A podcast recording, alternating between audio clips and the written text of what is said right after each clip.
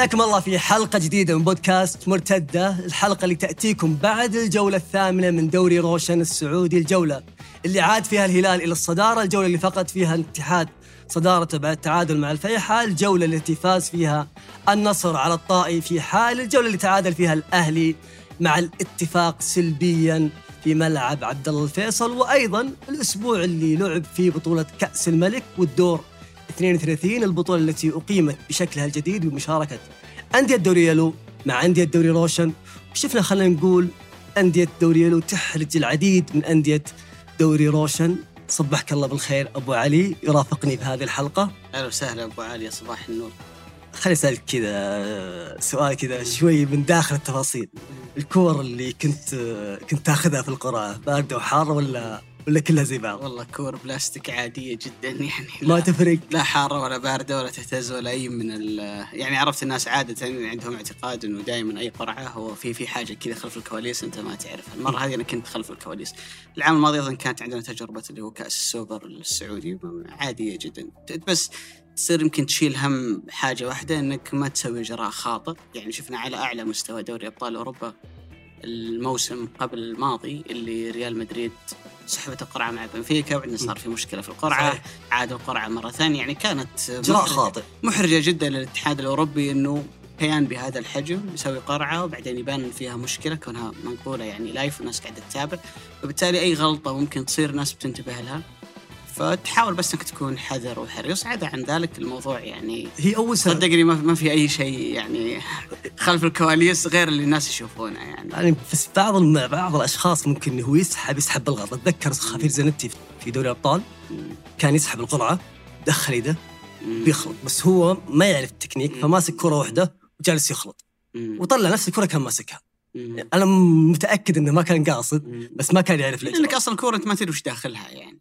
حتى لو قلنا الكورة نفسها بس انها بارده وحارة. ما بارد وحار للقهوه بس. طيب علي آه خلينا نقول جولة. عاد فيها الهلال إلى الصدارة. بعد مباراة ما كانت يعني للمتابع ممتعة بس كانت خلينا نقول شوي فيها فيها توتر فيها قلق فيها لحظات في المباراة. حسيت كذا شعرت في أعين لاعبي خصوصا لاعبي فريق الهلال إنها مباراة ممكن تكون مباراة يعني هي هي المباراة اللي راح تنقلك من مرحلة إلى مرحلة بعد الصدام الكبير اللي جالس يصير في ال social media من جمهور الهلال تجاه الإدارة تجاه فهد الفرج تحديدا تجاه أيضا المستويات اللي جالس يقدمها جيسوس مع الفريق تجاه أيضا مستويات بعض اللعيبة وهبوط بعض اللعيبة لمطالبات بإقالة المدرب. وكانت يعني المباراة هذه في مباريات كثيرة تعتبر مباريات مفصلية. يعني أنا أتذكر زين لحظات في في تاريخ أندية مباراة واحدة قلب التاريخ ورجع التاريخ. والدليل على ذلك ريال مدريد ما قبل العاشرة ما قبل ارتقاء راموس والهدف التاريخي تغير تاريخ ريال مدريد بعد ذلك في دوري الأبطال وحتى تاريخ أتلتيكو مدريد تغير ما قبل دوري الأبطال. ممكن هذه المباراة لو حدث فيها تعثر خسارة كان تغير شيء كثير في الهلال. يعني قصدك إنه محظوظين عشان راموس سجلها. يعني برشلونة كرة انيستا انت أنت الجولة هذه خسران يعني برشلونة الفريق التاريخي اللي كان في 2009 كرة انيستا ذيك لو شطفت شوي بس ما دخلت هدف أنا أتوقع إنه تاريخ ثاني كان سيكتب عن برشلونة الكورة كذا يعني لحظات. آه عموما. آه خلينا نقول إنه الهلال ست ثمان جولات ست انتصارات وتعادلين اليوم هو هو متصدر للترتيب. في روايتين إنه هذا أسوأ ما لدى الهلال. والأفضل لسه ما جاء فبالتالي إذا وأنا سيء وأنا عندي مشاكل أنا اليوم متصدر أنا لما أصير كويس بداهة أنا راح أفوز بالدوري لأني وأنا وأنا أقل ما وصلت للحالة المثالية أنا قاعد أتقدم في سلم الترتيب على حساب الاندية. وفي رواية ثانية تقول إنه المستويات غير مقنعة فبالتالي نتيجة ذلك إنه النتائج بتتراجع والفريق اذا هو اليوم موجود في الصدارة خلال الفترة الجاية بيتراجع آه ترتيبه. أنا أشعر إنه الرواية اللي إدارة الهلال تحاول إنها توصلها أو ترويها للجمهور إنه إحنا ما وصلنا للحالة المثالية بس إحنا متصدرين. الأحسن بيجي في الفترة الجاية.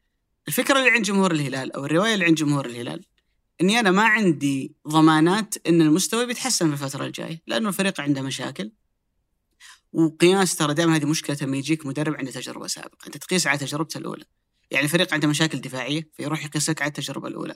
الفريق مثلا مدرب ما يعتمد كثير على دكة البدلاء دائما يخ- يختار نفس العناصر الأساسية شيء قريب من اللي سواه. جيسوس في 2019 فتقول والله ممكن الفترة الجاية يصير في انهيار بسبب الضغط البدني والإصابات زي اللي صار على نهاية ذاك الموسم وإن كان الانهيار صار مع مدربين آخرين غير غير جيسوس. فتحس إنه أوكي إحنا اليوم مرضي. أنا ما أقول إنه حالة مثالية لكن النتيجة مرضية بس الصدام وين صاير؟ والخوف على المستقبل. جمهور الهلال يخاف على المستقبل.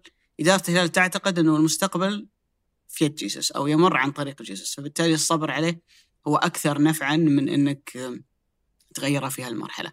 وبأمانة تغريدة فهد بن نافل الكلام اللي طلع يصرح فيه فهد المفرج حاول تتذكر خلال السنوات الماضية كم مرة فهد المفرج وقف في المنطقة اللي هي حقت الصحفيين وصرح للجميع خلال يعني السنوات اللي موجود أقل من. عدد اصابع اليد الواحده يعني قليل جدا. أقل من اصابع فتتكلم إنه أحيانا يصير بعد قالة مدرب أو تحقيق منجز تتكلم لا بعد الجولة الثامنة.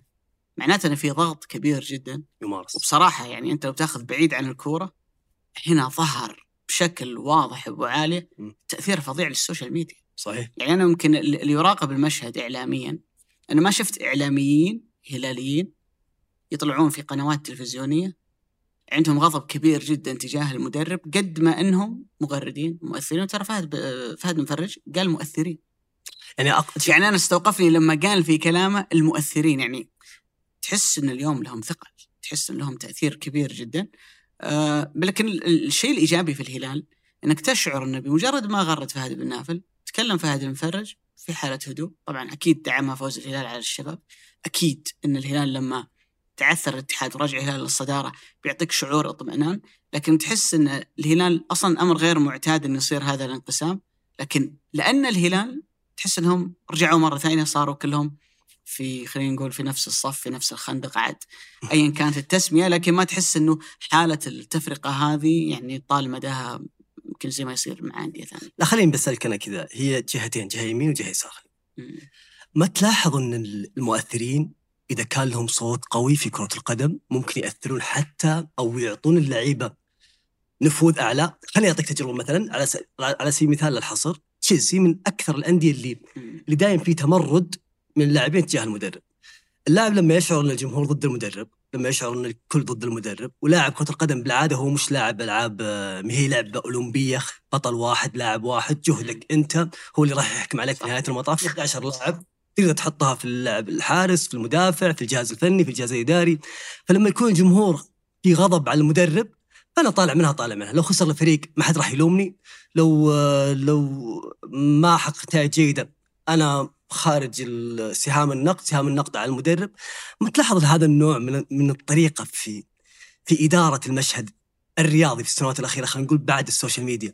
شوي أعطت قوة للاعبين خلت المدربين يعانون في مسألة تحكمهم باللاعبين خلت شوي الموضوع صعب. وهذا ترى رجعني شوي لفترة فهد بن نافل.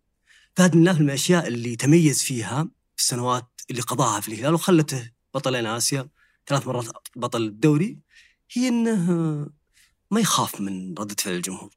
وسواها في أول بداياته تقريبا في أول شهر.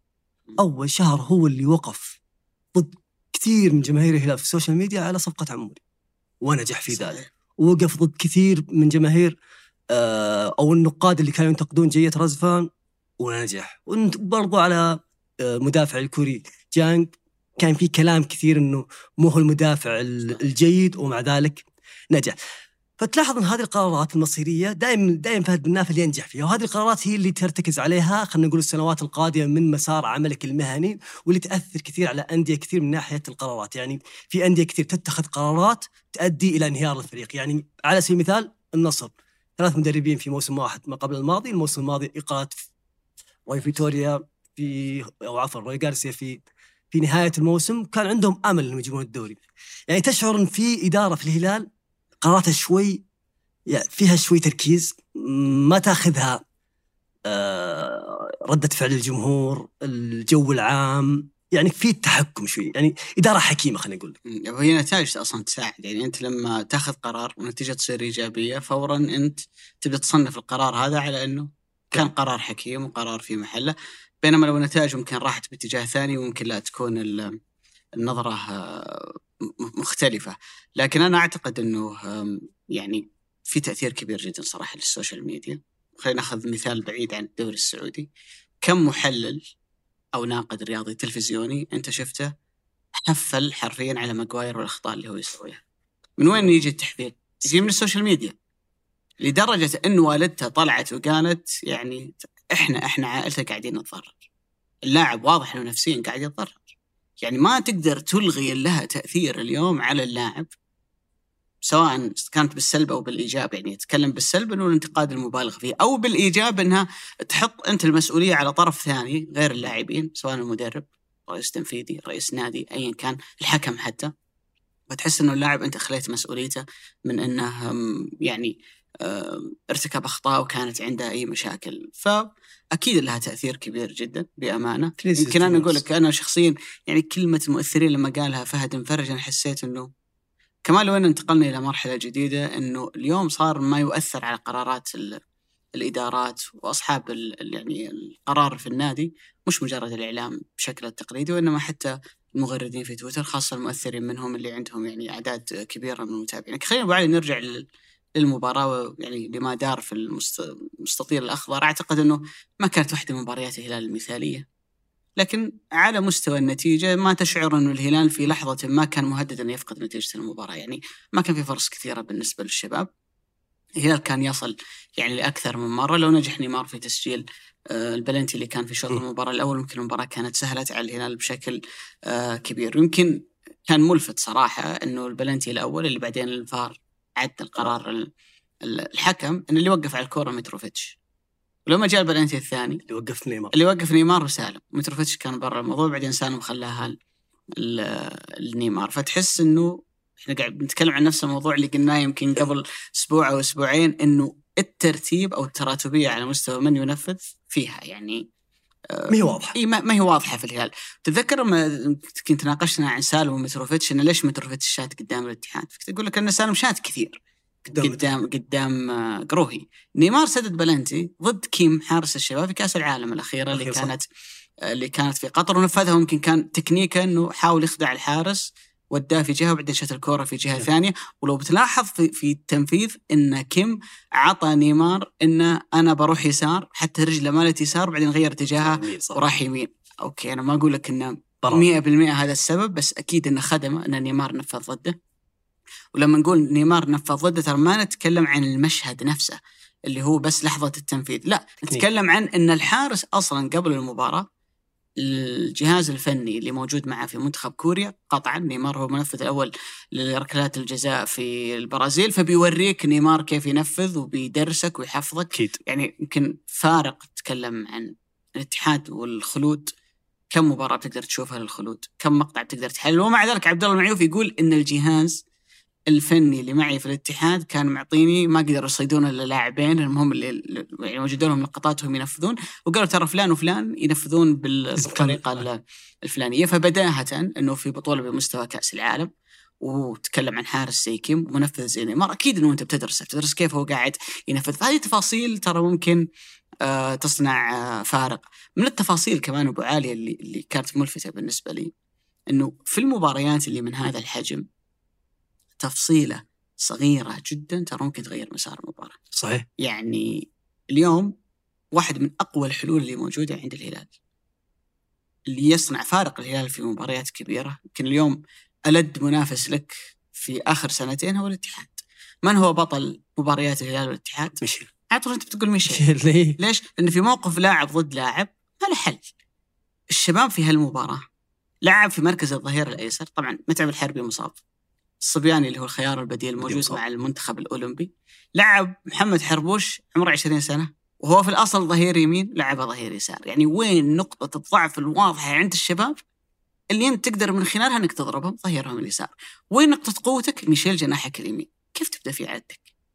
يعني يعني أنت لو بديت في ميشيل من بداية المباراة إنه احتاجه في شوط المباراة الثاني لكن أنت لو بديت فيه هذا أنا أقول لك هو ممكن يغلبه في واحد ضد واحد. نفس ما صار مع زكريا أو ممكن يجبر انه يسبب بلنتي. ممكن يجبر أن يرتكب اخطاء وينطرد بعد ذلك بكارت أحمر. يعني ممكن ثنائية ميشيل حربوش أنت تكسب من خلالها أشياء كثيرة في المباراة، طبعا يعني إحنا نفترض قياسا بفارق الخبرة والمستوى بين الاثنين، يعني ممكن في المباراة هذه كابتن محمد حربوش يعطيك مباراة مثالية، ممكن ميشيل نفسه تلعب يعطيك مباراة سلبية، بس أنت تتكلم أنت قبل المباراة لما تأخذ خياراتك كمدرب أنت ما تدري كيف بيكون مستوى لاعبك كيف بيكون مستوى المنافس لكن أنت تاخذ الخيارات بناء على أنا وين نقاط قوتي أنا وين نقاط ضعفي.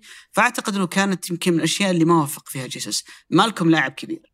بس الفارق إيش؟ إن مالكم لما ياخذ الكورة دائما يروح للعمق. صحيح. يعني ما حيواجه الظهير. ممكن يواجه قلب الدفاع الأيسر. ممكن يواجه أقرب لاعب اللي هو المحور. يعني كلاسيك. لك تلاقيه دائما ممكن يواجه سايس ولا كويار. لكن ميشيل لما تعطيه الكورة وتصنع إنه أنت تبني لعبك على اليسار تحول اللعب على اليمين تحط ميشيل في موقف لاعب ضد لاعب بيكسبك المباراة. مباراة الرياض لما كانت مغلقة بالنسبة للهلال كورة طويلة لميشيل ضد الظهير الأيسر نادي الرياض دخلوا على طول أعاقة اللي هو كان محمد الشويرخ لاعب قليل خبرة وأول مباراة يلعبها في دوري المحترفين. بسبب قلة خبرته ارتكب بلنتي بعد ذلك سهلت المباراة على الهلال. هذه من التفاصيل المهمة اللي تعتقد أنه أي مدرب المفروض أنه يكون آه، يعني يجهز لها يحطها في عين الاعتبار نفس ميشيل ترى مع زكريا هوساوي الموسم اللي راح لما زكريا هوساوي لعب اتحاد لما أخذ فيه الجيم كامل في المباراة اللي فاز فيها الهلال في جدة. آه خليني برجع لقطه ضربة الجزاء وأنت قلت تفصيلة مرة مهمة أبو علي اللي هي طريقة التنفيذ كيف تنفذ وكيف إن فعلا الأندية تدرس أو الأندية تدرس اللاعب المسجل علشان أو المنفذ عشان يعني تعطي أفضلية إن الكرة هذه تنصب. في في علوم كرة القدم أو علوم ضربات الترجيح أو علوم ضربات الجزاء. تصدق أبو علي أنت الحين يمكن يوم تقول علوم الناس يعتقدون إنك تبالغ. لا. في كتاب في ناس اسم طبعا هالأيام عشان معرض الكتاب يعني. أتذكر إنه يتكلم عن الخدع أو الحيل الذهنية اللي يسوونها اللعيبة والحراس في موضوع تنفيذ ركلات الجزاء تحديدا. يعني تخيل إنه ألف فيها كتاب يعني. كثير كثير الموضوع ما هو لا، هو اللي يعتقد الناس لما نقول علم ترى صدق كرة القدم من من الألعاب أو من من الأشياء القليلة في العالم اللي دخلتها علوم مختلفة يعني علم الاقتصاد، علم الحركة، علم اللياقة البدنية، علم العشب نفسه، الزرع، علم تغذية. تصنيع الكورة، علم إيش؟ قول بعد، علم المياه، علم تغذية. التغذية، علم ال- علوم كثيرة دخلت كرة القدم. غيرت كرة القدم وحولتها خلينا نقول إلى إلى لعبة فيها كثير أو أو مصدر رزق لكثير من الناس. آه الذكاء الاصطناعي لما دخل كرة القدم دخلها وسهل عملية عملية الإحصاء فيها. لما جو عند ركلات جزاء لقوا إن في حالة واحدة أو بشكل عام نقطة الجزاء 7 متر أو 11 متر والمرمى 7 متر وسرعة الكرة تقريبا 100 كيلو في المتر في الساعة تقريبا نسبة انها تكون هدف 85% 15% إلى 20% صد الحارس.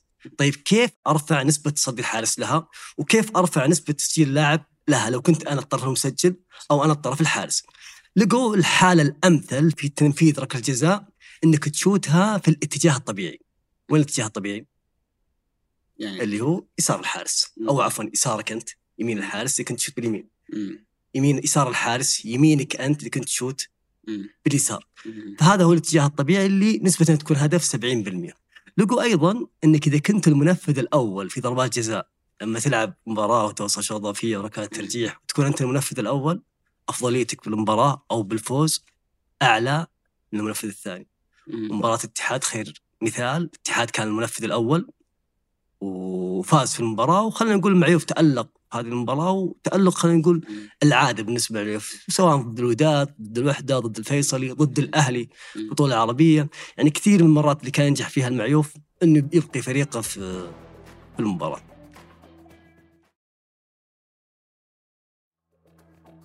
أنا أعتقد إن إن في لحظة مفصلية في المباراة حدثت بعد ما ضيع نيمار ضربة جزاء جاني شعور إن الشوط الثاني نيمار راح يقدم شيء من الخيال. وفعلا بانت جودته كثير في الشوط الثاني يعني رجل أخذ المباراة على عاتقه. رجل كان يلعب شوي شعرت يعني المرة الأولى ان نيمار جالس يلعب برغبة كبيرة. آه كمية حلول خلق فرص. حتى الركنية اللي اللي الهلال من تقريبا لعب 52 ركنية هذه أول هدف سجلها من ركنية. بينما أشوف على سبيل المثال التعاون 45 ركنية عنده ست أهداف. من 45 ركنية، يعني عندك مشكلة أصلا في في مسألة تسجيل الكرة الثابتة من زمان في الهلال والآن صاير في أسلوب جديد في الهلال اللي هي تلعبها على القائم الأول ترجعها بالراس تروح القائم الأخير يجي لاعب يكملها وتقريبا هذا المفهوم هو أكثر أسلوب ناجح في الهلال من سنوات طويلة. يعني مع جيرتس في الهلال كان ينزل والهامس على القائم الأول يرجعها للاعب اللي جاي من الخلف ايا يكن سواء هوساوي أي لاعب. والآن شوي صار صار هذا هذا الأسلوب يتم العمل عليه ومع ذلك نيمار لعب كورة. حسيت طلعت فوق ثم نزلت لو تشوف حركتها. حطها كوليبالي وكوليبالي من من اللعيبه اللي نادر ما يسجل من الركنيات أو قليل تسجيل خليني أقول في نفس الوقت الهدف الثاني لما أخذ اللاعب الأول الثاني ثم عرضها أو بالغ في التعميم من شفت إنها كان يقدر يشوتها من بدري بس حاول شوي يستعرض وكملها متروفيتش هدف. تألق فردي وليلة خالدة خلينا نقول لك نيمار. صحيح. يعني نتكلم هو صنع الهدف الأول بشكل واضح الهدف الثاني ترى احصائيا ما يحسب assist لنيمار لأنه ليه؟ لأنه لعبها لمتروفيتش اصقعت صح. شاتها صاتها الحار الحارس رجعت مرة ثانية فتعتبر كره جديدة. بس هي اللي يعني اللي شاف الهدف واضح إنه assist من نيمار. صنع واحدة لنيفيز كانت ممكن تتسجل هدف اللي بعد ذلك سددها. أيه. صدها الحارس كان متروفيتش آه، متسلل. صنع واحدة لميشيل كان تقريبا على اليسار وطلع ميشيل في موقف يعني واحد ضد واحد مع حارس المرمى. فتحس إنه رجل عنده لمسة فارقة عن أي لاعب ثاني موجود آه، في المرمى. نتفق إنه حالة نيمار البدنية ما هي بالحالة المثالية. فبالتالي ممكن أعلى أداء من نيمار أنت لسه ما شفته من الآن. لكن لو بحاول أتخيل أنا وياك ابو عاليه مودريتش وكاسيميرو من اللي منهم يقدر يلعب في المستوى العالي إلى عمر 40 سنة؟ أتوقع كلنا بنقول مودريتش. لأن اللاعب الفنان حتى لو تراجع بدنيا قيمته في اللمسة صحيح. قيمته في في الفكر قيمته في جودته سواء في حتى لو في كورته قراءة الملعب قراءة اللعبة. بالضبط. لكن اللاعب اللي يعتمد على الجهد البدني أو على الجاهزية البدنية متى ما تراجع بدنيا تتراجع قيمته. يعني موضوع بسيط جدا. اليوم في الهلال لو بتحاول تصنف نيفيز لو بتحاول تصنف سافيتش محمد كنو متروفيتش ممكن حتى مالكم ممكن حتى ميشيل. تخيل هذول كلهم لو تراجعوا بدنيا قلت سرعتهم قلت مرونتهم أصبحوا في وضعية بدنية سيئة. أقل من اللي هم موجودين فيها اليوم. هل يقدرون يعطون الهلال نفس التأثير اللي يقدر يعطيك إياه نيمار؟ وهو في حالة بدنية أقل. ترى في الكره كلها بشكل عام. هذه حالة. اللاعب اللاعب الحريف اللاعب الموهوب حتى لو كان أقل بدنيا من البقية يظل قادر على أنه يصنع الفارق لفريقه حتى لو كان لو انت تاخذ الأرقام والإحصائيات أقل واحد جري. أتذكر كأس العالم أعتقد 2000 و أعتقد إن كأس العالم 2014 م. أو 18 والله ما أتذكر. فكان في موقع الفيفا يطلعون كم كل لاعب يجري في المباراة. تخيل كل المباريات اللي يلعبها ميسي شيل الحراس؟ طبعا لأنهم ما يتحركون. وشيل اللاعبين اللي يستبدلون أو ينزلون كبدلاء من اللاعبين اللي يكملون 90 دقيقة في الفريقين ميسي هو دائما أقل لاعب يجري. ولكن ميسي يقدر يكسب فريق فيه عشرة زي أنا وياك وعالي لأن لا ميسي لأن ميسي في نهاية الأمر يعني الكلام أنا ما أتكلم هنا عن ميسي بعينه. اللاعب الفنان حتى لو تراجع بدنيا هو صحيح. حل مهم جدا بالنسبة لك. ويجي هنا دور المدرب. كيف أنا أستفيد من هذا الحل؟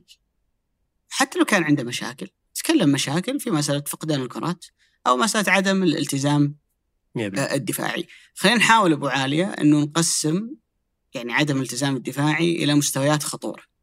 أوكي في فرق اليوم دافع بعشرة تحت الكوره مع الحارس فبالتالي كل فريق يلتزم في الحالة الدفاعية. بس في الغالب تجد إن الأندية هذه هي اللي أقل وتلعب من أجل أهداف أقل من اللي تنافس عليها الأندية الكبيرة. الأندية الكبيرة تجد إنه معظمها والحالة خلينا نقول مستوى الخطورة الأول اللي هو متوسط أو مقبول إن في لاعب اللي هو المهاجم مثلا ما ما يدافع دافع الفريق بتسعة لاعبين تحت الكورة وهذا أبو الشباب موجود قدام لما نقطع الكورة ممكن نحاول إنه نصعد ونتدرج ونصل لمرمى الفريق المنافس. المستوى الثاني اللي مستوى الخطورة فيه عالي لما يكون عندك لاعبين ما يدافعون يمكن أبرز مثال رونالدو تاليسكا مع النصر الموسم الماضي. رونالدو تاليسكا نوعا ما هذا الموسم تأخذها على مستوى كرة القدم الأوروبية الفترة اللي كان موجود فيها سواريز وميسي ميسي. مع برشلونة صح دفعوا الثمن في مباريات أوروبية بس على المستوى المحلي يعني قدموا سنوات جدا ممتازة. المستوى اللي ما هو بخطر جدا اللي هو انتحار إن يكون عندك ثلاثة لاعبين ما يدافعون. حاول تتخيل أبو عالية إن نيمار مكان ساديو ماني في النصر وإن عندك رونالدو وتاليسكا ونيمار الثلاثه ما يدافعون. حاول تتخيل إن نيمار مع بنزيما وحمد الله في الاتحاد. بتلاحظ إنه الثلاثة صعب جدا إنه الفريق ما يتضرر دفاعيا والثلاثة ما يدافعون. باريس سان جيرمان أول نقطة أنت تنطلق يعني منها كيف أنا أحتوي نيمار؟ أنت تراك محظوظ إنه ما عندك إلا متروفيتش اللي ما يدافع. يعني مالكم التزام الدفاعي جيد. عالي. سالم التزام الدفاعي جيد. شير. ميشيل التزام الدفاعي جيد. يعني ناهيك عن لاعبين الارتكاز اللي هم روبن نيفيز وسافيتش وكنو أو غيرهم. فبالتالي هل من المستحيل إن الهلال ينجح؟ خلينا نقول انه يامن نفسه دفاعيا. في وجود نيمار ومتروفيتش لا مو مستحيل. أنت تقدر بس السؤال هو شلون أنا أخلي الفريق ما يتضرر بوجود نيمار إلى جانب متروفيتش؟ كيف تشكل بقية العناصر؟ هذا هو السؤال. في في عدة حلول. يعني مثلا اليوم نشوف نونو سانتو قاعد يقدم حل مع الاتحاد. إنه ألعب 3 5 2 فبالتالي أنا عندي ثلاثة مدافعين في الوراء أفتح الملعب بظهيرين. ويكون عندي اللي يدافعون الثلاثة مع الظهيرين. وفي نقطة مهمة جدا. على مستوى الجودة أنا عندي اثنين من أفضل المحاور اللي بيصعبون عليك عملية البناء إنك تتحول عليه هجوميا اللي هما كانتي وفابينيو. فهنا نتكلم عن تنظيم وعن جودة لاعبين. آه عناصر بتشوف مثلا في النصر إنه كنت تكلمنا في المباراة الماضية إنه مع الأهلي إنه ساديو ماني يتراجع ممكن أكثر. فكرة إنه النصر لما يطلع بالكورة سلطان الغنام يفتح الملعب على أقصى اليمين بينما أليكس تيليس يبقى قلب دفاع ثالث يصير ساديو ماني هو اللي قابله على الجانب الآخر. فبالتالي كمان لو إن الفريق في مرحلة البناء يتحول إلى ثلاثة مدافعين. الفكرة أبو علي في عدة أشكال تقدر من خلالها أنك تحتوي وجود عنصرين زي نيمار وزي متروفيتش ما عندهم التزام آه، دفاعي كبير. في نقطة ثانية مهمة قبل ما نتكلم عن وش الحلول اللي ممكن يسويها جيسوس. هل نيمار يفقد كرات كثير؟ نيمار يفقد عدد كبير صراحة من الكرات. يعني نتكلم عن لعب مباراة الرياض كبديل بعدين مباراة نف بخور بعدين مباراة ضمك بعدين مباراة الشباب. خلينا نستبعد مباراة الرياض أنه شارك في عدد قليل من الدقائق. ضد الفريق الأوزبكي رقم مرعب 32 كرة فقدها صحيح. في المباراة. ضد ضمك يعني يتكلم عن 14 آه، المباراة 11 عفوا المباراة الأخيرة مع الشباب 14 كورة. تأخذ ثلاث مباريات هذه بيطلع لك معدل 19 كورة تقريبا في المباراة. السؤال هو كم كان معدل نيمار قبل ما يجينا؟ يعني كنا تحاول تقيس هل نيمار قاعد يفقد الكرات لأن حالته البدنية ما هي top ولا لأنه هذا نيمار؟ أو فقد مرونته. الجواب لأنه هذا نيمار. يعني تكلم الموسم الماضي مع باريس سان جيرمان معدله كان 19.4 يعني زي المعدل اللي إحنا قاعدين نحكي عنه الموسم اللي قبله اللي هو آه 21 22 كان 23 كورة تقريبا في المباراة تكلم عن الدوري الفرنسي والإحصائيات بالمناسبه كلها من سوفا سكور الموسم اللي قبله كان تقريبا 25 كورة في المباراة يعني نيمار يتأرجح بين معدل 25 إلى 19 كورة يفقدها في كل مباراة. فإذا هذا هو الطبيعي حق نيمار. يعني نيمار مو قاعد يسوي شيء جديد ولا لأنه يستهين بالدوري ولا لأنه يلعب على الوقت لا هذا هو نيمار. فأنت السؤال كيف تتعامل مع الوضعية هذه اللي ني- نيمار قاعد يمر فيها؟ في حلين في ظني. الأول إنك شل نيمار من مركز لاعب عشرة لأن لما يفقد الكرة في عمق الملعب معروف. أقصر طريق للمرمى هو صحيح. عمق الملعب لما تفقد الكرة في عمق الملعب ومشكلة نيمار انه لما يفقدها ما يسوي شيء. لا يحاول, يروح يجيبها. لا يحاول يسبب فاول ولا يسوي أي حاجة. فلما تفقدها في عمق الملعب سرعة ارتدادها عليك تكون كبيرة جدا. لما لاعب يأخذها في عمق الملعب ويجري فيها الخيارات مفتوحة لك. يمين يسار أو حتى مهاجم الفريق اللي موجود في الأمام. فواحد من الحلول أنك شل نيمار من مركز عشرة وودى المركز الثاني وطبيعي بيكون الجناح الأيسر. على حساب مين؟ على حساب سالم. ويصير أما ان سالم يلعب عشرة إذا يقدر أو يلعب سافتش ويصير سالم في مداورة بينه وبين ميشيل ومالكم بقية العناصر الثانية. أو ممكن تروح الفكرة أبعد من ذلك إنك تتحول إلى أربعة واحد أربعة واحد يصير نفز هو لاعب ستة سافتش مثلا لاعب ثمانية على اليمين سالم لاعب ثمانية على اليسار ويكون نيمار على الطرف الأيسر بحيث أنه لو فقد الكورة على الأقل ما تكون في منطقة خطير. خطرة بالنسبة لك. الحل الثاني واللي أنا أميل له بصراحة أنه أنت أصلا اليوم عندك مشكلة على مستوى الظهير الأيسر. لا ياسر الشهراني ولا ناصر الدوسري مقنعين بالنسبة لك خلال الفترة الماضية. ليش ما تجرب أنك تلعب علي بليهي ظهير أيسر تلعب حسان تنبكتي كقلب دفاع مع كوليبالي. وش الفكرة من خلال هال هالموضوع؟ أنك أنت تفتح الملعب بالظهيرين سعود على اليمين ياسر الشهراني على اليسار. طيب ليش ما تفتح الملعب بسعود على اليمين وعلى اليسار سالم ميشيل مالكم ايا كان لاعب الجناح؟ هذا اللي قاعد يصير في النصر إن سلطان على اليمين وعلى الجانب الآخر لاعب جناح ايا كان لاعب الجناح سواء غريب ولا ماني ولا غيره. وش الفكرة هنا؟ إنك واحد من الأظهرة يتحول إلى قلب دفاع ثالث فبالتالي أنت وأنت طالع بالكورة بدل ما يكون الهلال ترى المباراة الماضية وكل المباريات الماضية كوليبالي مع علي البليهي قدامهم نيفيس والسبعة كلهم قدام. إذا قطعت الكورة الفريق المنافس ارتد عليك عندك ثلاثة. صحيح. وحاول يا سافتش انك ترجع تراجع يا ياسر والحق يا سعود. بعض الأحيان يلحق بعض الأحيان ما يلحق. فتصير الأزمة. أنت هنا كسبت لاعب زيادة في الحالة الدفاعية وسعت إنه الملعب. إنك أنت تفتح الملعب بظهير وجناح وعندك لاعب إضافي في الخلف بحيث إنك لو فقدت الكورة في عمق الملعب لو قلنا نيمار بيستمر في عمق الملعب وفقدت الكورة الخطورة عليك بتكون أقل ليش؟ لأن عندك لاعب زيادة، واحد من الثلاثة ممكن يطلع مع نيفيز يضغط يحاول يقطع الكورة في في نص الملعب لأنه بيبقى وراك اثنين يعني. فأنت دائما عندك لاعب زيادة في مثل هالحاله، ترى يمكن ضربنا مثال بالنصر. برشلونة الموسم الماضي مع تشافي كان يلعب بهذا الأسلوب، الناس كلها تشوف إن بالدي على اليسار جناح خالد. يعني لاعب ظهير أشبه بجناح. لكن مين اللي كان يلعب دائما ظهير يمين؟ يا كوندي يا اراوخو صحيح. كلهم سناتر. فهي فكرة اليوم تراها منتشرة في الكورة إنه إنزاجي. إنه واحد منهم لا بس إنزاجي يلعب ثلاثة مدافعين، تكلم عن فريق هو ينزل الملعب أربعة. وبعدين في حالة التحول الهجومي يطلع ظهير وواحد يبقى.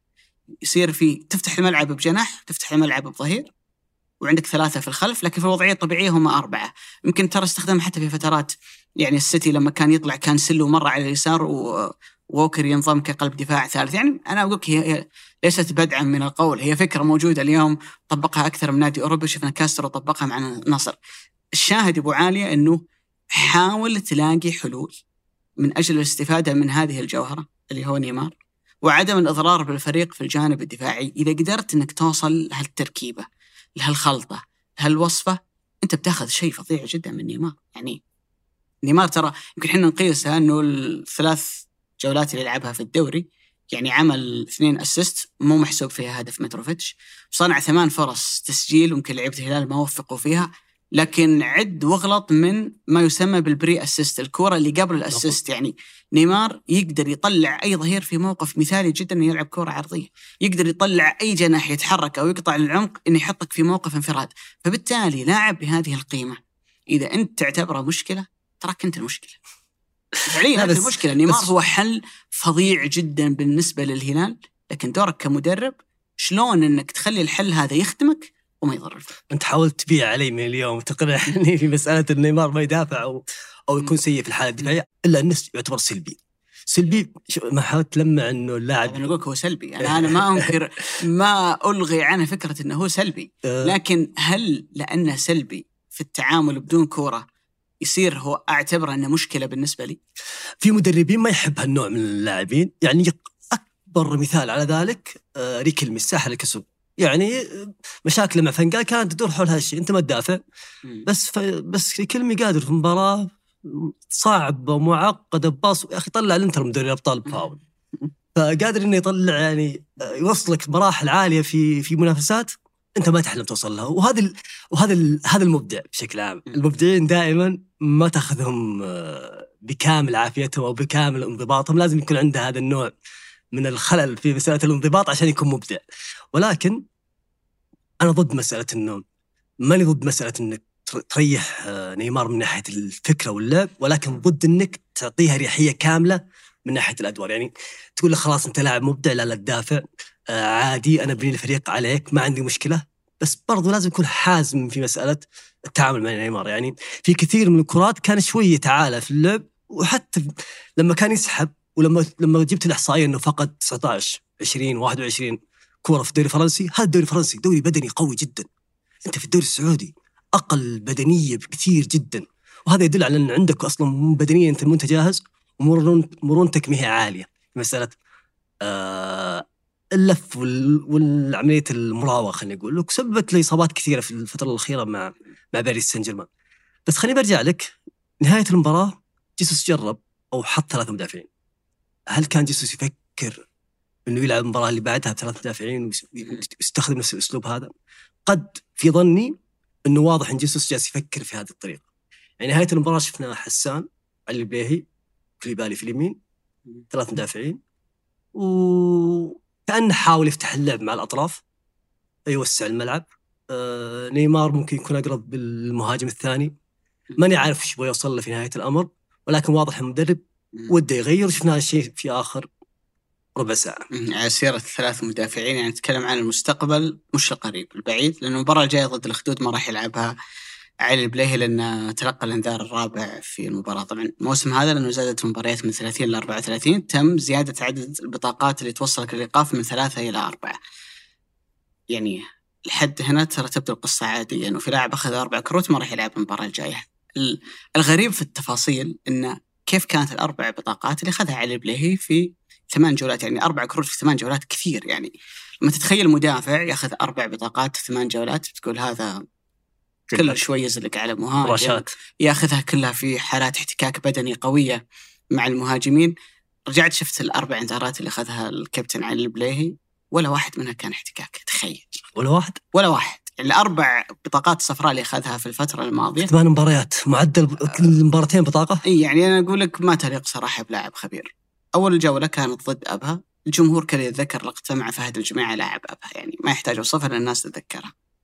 المباراة الأخيرة ضد الشباب، الكره اللي رماها على كراسكو، مباراة الفيحة ما كان في لقطة واضحة في البث التلفزيوني لكن كان احتجاج الكرت عموما على حالة احتجاج على لاعبي الفيحة وهم قاعدين يبدلون على الدقيقة يمكن 87 88 وأخذ كرت رابع كان في مباراة الاتحاد. كورة كانت بعيدة عنه قام مد ايده ولعبها بيده hand ball وأخذ عليها كرت أصفر. يعني أربع كروت مجانية. ثمان مباريات. كثير.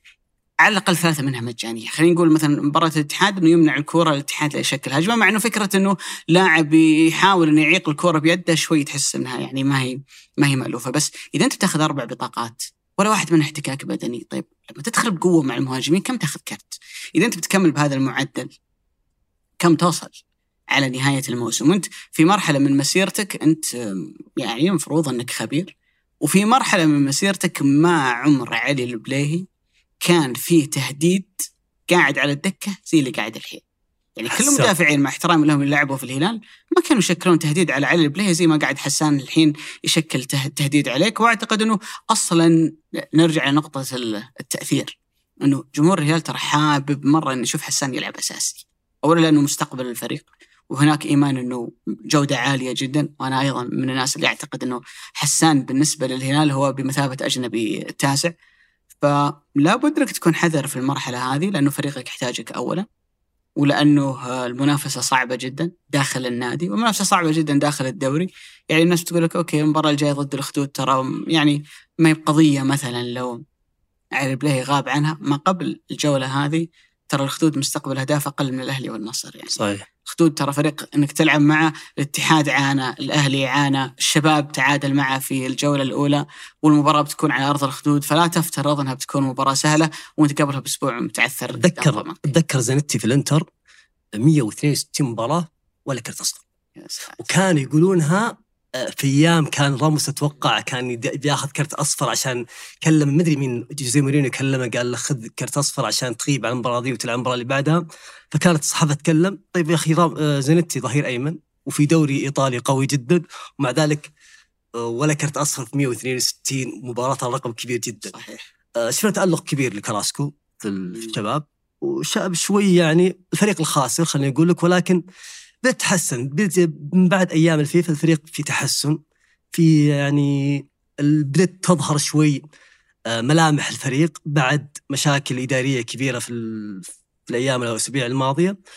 وخليني أقول لك صفقة كراسكو واحدة من أفضل اقوى الصفقات في دورينا. اللاعب يعني ما جاء ما جاء بشغف كبير ما حسيت ان الجماهير شوي متحمسين له. ممكن لأنه لعب في في الصين وبعدين رجع لأتلتيكو ثم مرة ثانية طلع. وعاد لآسيا مرة ثانية. بس اللاعب عنده quality عالي جدا. طبيعي. لا على مستوى الارتقاء. مم. يعني لاعب بالراس يضرب كرة ضد. لا على مستوى الفاولات. سجل هدف أعتقد في في مباراة مباراة الباطن. الباطن في كأس الملك. وأنقذ الفريق أقول لك من خروج يعني مؤذي مؤذي كثير.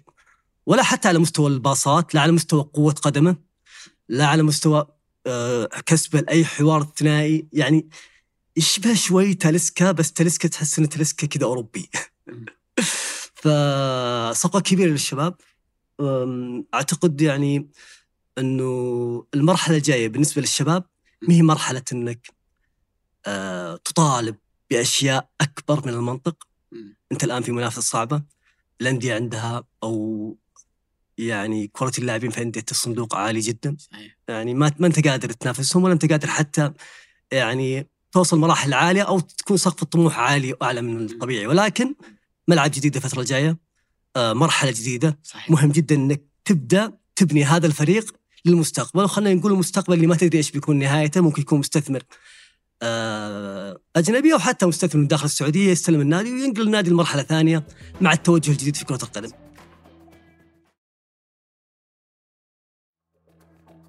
بس خلينا نقول بشكل عام أو النظره العامه الشباب بدأ يرتقي. صحيح أنت قلت المطالبه أنا أطالب بالتحقيق مع دييغو سيميوني. يعني شلون يلعب ذا ظهير ايسر؟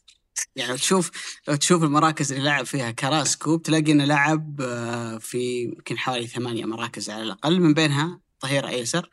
كل المباريات اللي لعبها ظهير أيسر كانت مع دييغو سيميوني في أتلتيكو مدريد بالثلاثه هي صح؟ ثلاث مدافعين وهو اشبه صحيح مم. لا هي تحسب لما يلعب كلاعب ظهير أيسر إنه left back لما يلعبوا بنظام ثلاثة مدافعين يعتبرونه left midfielder يعني لاعب وسط okay. ايسر كمان في مركز الوسط الأيسر لعب 76 مباراة بعضها كان مع أتلتيكو وكثير منها كانت مع منتخب بلجيكا كان يتم التضحية به إنه okay أنت اللي بتلعب ظهير أيسر وقدامك بيكون إيدن هازارد. فترات. لأن تذكر يعني كان عندهم كراسكو وهازارد وهازارد الثاني وكان عندهم ناصر الشاذلي فكان عندهم زحمة لاعبين. يلعبون على الجانب ال- الأيسر بأمانة لما تشوفه مع الشباب في المباريات الماضية تقول هذا صدق كيف كان يلعب ظهير ايسر يعني لاعب بهذه الإمكانيات والحلول الفظيعة اللي موجودة عنده المفروض إنه دائما يكون موجود في الأمام. ولاحظ إنه في الشباب ترى الوقت اللي هو جاء فيه الفريق قاعد يمر بأزمة. آه، حبيب ديالو ما هو قاعد يعطي التأثير اللي أنت كنت تنتظر منه. حتى بهبري مش في أفضل مستوياته. كارس جونيور راجع من الإصابة فلسه ما يلعب بشكل منتظم. فهد المولد جاي من إيقاف. يعني أنت في الوقت اللي جاي المفروض انك تكون العنصر الجديد في ثلاثية هجوم يشيلونك انت اللي مطالب انه انت تشيلهم. ومع ذلك هدف رائع في مباراة الدوري هدف أروع منه في مباراة الباطن في آه، كأس الملك وظهور رائع جدا في المباراه اللي كانت آه، أمام الهلال صفقة كبيرة جدا بالنسبة لنادي آه، الشباب. يعني أعتقد إنه هو من العناصر اللي بتبني عليها مستقبل الفريق يعني في الفترة الجاية. أبو عالية قلت تكلمت عن ملعب الشباب الفترة الجاية بيكون عندنا ملعب الاتفاق بيكون عندنا ملعب الفتح. تشعر إنه إحنا في مرحلة في ملاعب جديدة عندنا يعني بدل الملاعب استغرب ملعب إي ال- اللي اللي ألفتها العين خلال الفترة الماضية والجديد واللي صراحة كان مفاجئ لنا كلنا. كينجدم إنه ما. كنا نتوقع إنه تكلمنا عن ملعب القدية. ملعب الرياض الجديد اللي هي ضمن ملاعب كاس آم، آسيا 27 التطوير اللي راح يطال استاد الملك فهد استاد الأمير فيصل بن فهد ملعب نادي الشباب والأول بارك ملعب نادي النصر. تكلم عن تقريبا ستة ملاعب. يعني ما كان يجي في بالنا إنه كمان في حاجة جديدة.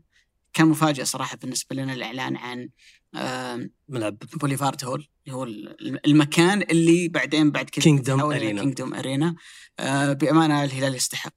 جمهور الهلال أعتقد إنه جمهور الهلال اللي يحضر مباريات في الملعب.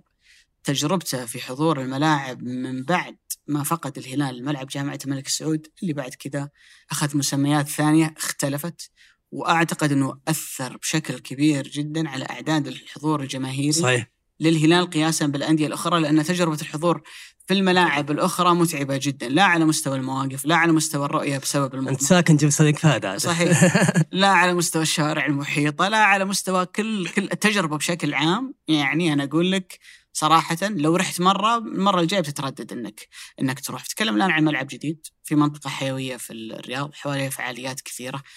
أول ملعب آه هو حسب الإعلان انه ملعب الشباب مكيف.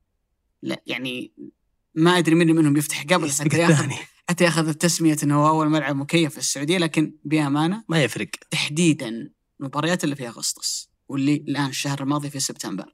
وعلى آخر أشهر الموسم مايو المباريات هذه تحديدا صعبة جدا على اللاعبين. في ظل الأجواء الحارة فبيعطيك رفاهية إنه أنت يعني الأجواء في الملعب تكون ألطف للاعبين وللجمهور. أنا ما أعرف بس كأني شفت الفيديوهات إن الملعب مغطى. مغطى. هو حتى على مستوى يا أبو علي ولا أقطع كلامك الغبار. يعني أحيانا يجيك غبار كذا فتحس الجو مكتوم شوي. تخيل أبو عالي إن عندك ملعب مغطى ومكيف. طب شو المانع إني ألعب أصلا الساعة 4 ولا 5 العصر؟ وش- سنة 12 عندك الظهر. مرونة حتى في ال- لا مرونة حتى في أوقات إنك تلعب المباريات. ترى اليوم مثلا ريال مدريد لما طور الملعب صرف عليه كل هالمبالغ ترى حاجتين بس. مسألة كيف إن العشب ما يتضرر إنه ينزل تحت وتغطية الملعب. صحيح. في إجراءات ثانية لكن هذه هي الهدف الأساسي من المشروع. فأنت تتكلم عن ملعب جديد يؤمن لك هالنقطتين إنه مكيف مغطى والعشب يطلع لبرا بحيث إنه ما يتأثر. يعني أعتقد إنه يعني غنيمة كبيرة بالنسبة للهلال في الفترة الجاية إنه يكون عندهم ملعب من هالنوع. وننتظر صراحة بشغف وترقب إنه متى تكون أول مباراة عليه. عندنا مجتمع محب ترى للرياضة ومحب للفعاليات الرياضية ومحب يعني يحب يحضر في نهاية الأمر. بس لما تكون تجربة ما هي مثالية ما ما هي حافز إني أرجع مرة ثانية وأحضر. يعني أنا حضرت وأنت كثير يبغى لي حضرت برا برا السعودية وبطرق مختلفة. أنا حضرت بالبترو حضرت بالتاكسي. حضرت على رجولي. حضرت شيء غريب. سيكل okay. كانت أجمل تجربة بالنسبة لي السيكل. كانت تجربة عظيمة كانت في مباراة في في روما ملعب الأولمبيكو فكنت أمشي ولقيت سياكل كذا مرمية. بالتطبيق حطيته ركبت السيكل وجهت. على الملعب سيدة ممكن 10 دقائق وصلت خليت السيكل برا دخلت الملعب خلصت المباراة رجعت أخذت سيكلي نفسه. طبعا في سكوترات وفي سيكل. مشيت مشيت الزحمه طريق ولا حسيت فيها. أنا شدني في الإعلان وإعلان الملعب نفسه اللي هو قيمة رعاية الملعب 25 مليون ريال سعودي اللي هي قيمة تسمية الملعب إلى كينجدوم توصل 40 مليون. آه،. كامل الملعب بس لا آه، حقوق ال right name أو رعاية الاسم وهذا الشيء بيكون في كل ملاعب السعودية حسب ما أعرف إنه ملعب الجوهرة راح يتم الإعلان عنه قريب راح يطرح ل... للتسميه بعد راح يكون مع سانك فهد بعد كل الملاعب نفس الأول بارك سابقا مرسول بارك وهذا دخل كبير لوزارة الرياضة وللأندية اللي تملك ملاعب. يعني السيتي على سبيل المثال جالس يطلع من هذا من قيمة رعاية اسم ملعب الاتحاد 17 مليون يورو. آه ووندا متروبوليتانو آه رعاية صينية في أتلتيكو مدريد جالس يطلع تقريبا 10 مليون يورو. وهذه أرقام جدا كبيرة في مسألة رفع الإيرادات عند الأندية وهذا الشيء نتكلم عنه نموذج جديد في كرة القدم اللي تسعى السعودية إنها توصل له ويخلق لها حاله استدامة عند الأندية. أتوقع إن هذه هذه ميزة لنا يا أبو علي. يعني مثلا إنه في ريال مدريد آه، بيريز رفض إنه يبيع تسمية الملعب لأنه إرث تاريخي بالنسبة للنادي إنه سانتياغو برنابيو. صحيح. تلاحظ إنه الأنفيلد أولد ترافورد في ملاعب ما طالتها الموضوع لأنه هو ملعب النادي ومرتبط بتاريخ حتى التسمية كلها يعني جزء من التراث. يعني خلينا نقول أسباب تاريخية. فبالتالي صعب عليك الجمهور ما يتقبل. عندنا لا الموضوع ممكن يكون أسهل لأنه أصلا الملاعب مملوكة لوزارة الرياضة. فبالتالي ما فيها النقطة نقطة الممانعة الجماهيرية من مسألة إنك تبيع الاسم. وزي ما قلت أكيد إنه يعني فيها دخل عالي وفيها بأمانة يعني وأنا أقول هالكلام يعني ترغيبا للمستثمرين فيها صراحة إنه يرتبط اسمك بملعب كرة قدم يعني شيء مهم جدا لأنه يذكر في إعلان المباريات يذكر ويصير متداول عند الناس يعني تسويق كبير جدا وأعتقد الكورة كلها اليوم عندنا مع أن ترى- قادرة تسوق لأي شيء يعني. مع إن سعره يعتبر ترى رخيص جدا وقلت إن جزئية مهمة إنه مو مرتبط بحالة عاطفية عند الجماهير أو حالة إرث تاريخي عند الجماهير زي أولد ترافورد. الكامبلو كانوا يبغون يغيرون الاسم يستفيدون من الدخل بس ما قدروا يواجهون الجمهور مع انهم احتمال يتغير بعد بعد التجديد اللي راح يصير- يطرح عليه. ولكن أتذكر نيوكاسل لما غير اسم الملعب إلى سبورت دايركت. يا الله سالفة. يا الله تخيل توابيت توابيت. على الملعب على مايك أشلي الرئيس السابق. إنه كيف تغير الاسم هذا التاريخي اللي إحنا الإرث إحنا ما نشجع الفريق ذا الا عشان الإرث مم. شايف البعد حقهم عشان كذا لما تروح الملعب تلاقي دايم شعب نيوكاسل لما يحضر يجلس الشايب جنبه ولد صغير هو شايب إيش كبره يبي يعود ولده لو مات إنك أنت تجي. وتجيب حفيدك بعدين يحضر. مم. خلينا نطلع من محور شوي الهلال. احس طولنا شوي في الهلال. ونروح للاتحاد اللي فقد الصداره مباراة ضد الفيحة الفيحة اللي تعودنا منه إنه يكون نادي خلينا أقول لك صلب دفاعيا. نادي يقتل الرتم كثير. انتهت المباراه سلبية تعادل سلبي. خليني أقول جمهور الاتحاد كان زعلان كثير على مستوى أمور كثيرة تراكمات كثيرة. منها إبعاد العبود، منها رحيل البيشي، منها حتى جوتا وإبعاد جوتا أو حتى ليش تجيب جوتا ومنها حتى صفقة آه، جمعان وغيرها من الكلام اللي جالس يطلع إنه كيف تبني الفريق بدون أجنحة، كيف تلعب على عمق الملعب، كيف الفريق هذا قادر ينافس في كأس العالم، إحنا عندنا استحقاقات كبيرة الفترة الجاية. لو تلاحظ في نونو سانتو وهذا الشيء يمكن تكلمنا عنه المره مرات السابقة أبو علي كنا نقول إن ما يعتمد كثير على الأجنحة. يحب يلعب في عمق الملعب. وهذا النموذج من كرة القدم خليني أقول لك في العقد الأخير أو ال 15 سنة الأخيرة التغى. التغى حرفيا التغى. يعني ما نادر تلقى نادي يلعب أو يركز على عمق الملعب. كان يستخدمها أنشيلوتي إذا تتذكر مع ميلان طريقة شجرة شجرة الكريسماس الأربعة ثلاثة اثنين واحد. وكانت تعتمد بشكل مباشر على عمق الملعب. وكيف إنك تكون زيادة العدديه من عمق الملعب تلعب على اللاعب العشرة يطلع للمهاجم وحتى تحولها إلى أربعة ثلاثة واحد اثنين وغيرها من الأساليب اللي أعطت شوي كرة القدم في مرحلة ما طريقة و style. بس في ال 15 سنة الماضية الاعتماد كبير على على الأجنحة والأجنحة نوعين. نوع الكلاسيك اللي اللي كنت أتكلم عنه قبل شوي على صعيد مالكم. مالكم يعتبر جناح كلاسيك اللي يروح يدخل عمق الملعب يا يلعب assist يسجل هدف. وهذا يشبه إلى حد ما جوتا وفي نوع من الأجنحة اللي يدور مهارته الفردية يحاول يخترق يعني شوي لاعب فني اللي هو أقرب إلى ميشيل. ولكن نونو سانتو من فترة طويلة وهو يعتمد أو ما يفضل ما يحبذ انه يكون عنده لعيبة أجنحة يفتحون اللعب قد ما يحب يلعب على عمق الملعب. خليني أقول لك كانت لعب شوي دور. كريم بنزيما حاول يعطي الزيادة العدديه في مسألة آه خلق الحلول والفرص. ضد نادي من أقوى الأندية على مستوى التنظيم الدفاعي وعنده حارس بجودة عالية. ولكن أنا أشوف في حاجة فرقت الموسم الماضي مع اتحاد ما نجحت هذا الموسم أو ما شفنا لها تأثير قوي هذا الموسم. اتحاد في كثير من مباريات الموسم الماضي اللي كان يعاني فيها في مساله التسجيل كان ينقذ فيها كرة ثابتة زاوية صحيح. يعرضها يضربها حجازي هدف. وكثير. أو حتى شرحي وكثير من المباريات خلصها بهذه الطريقة ممكن تكلمنا عنها الموسم الماضي على نهاية الموسم. لما جيت أحسبها أنا أتذكر ناسي الاحصائيه بالضبط. ثلث أهداف الاتحاد الموسم الماضي في الدوري كانت من كور ثابتة. تكلم عن بلنتيات وركنيات وكانت الركنيات أكثر من ضربات جزاء. مع إن هذا الموسم ما في استغلال كبير لها. بعد نهاية المباراة طلع فابينيو وقال إنه okay آه الفيحة نادي جيد ولكن جالس يقتل في الرتم. جالس يأخر وقت.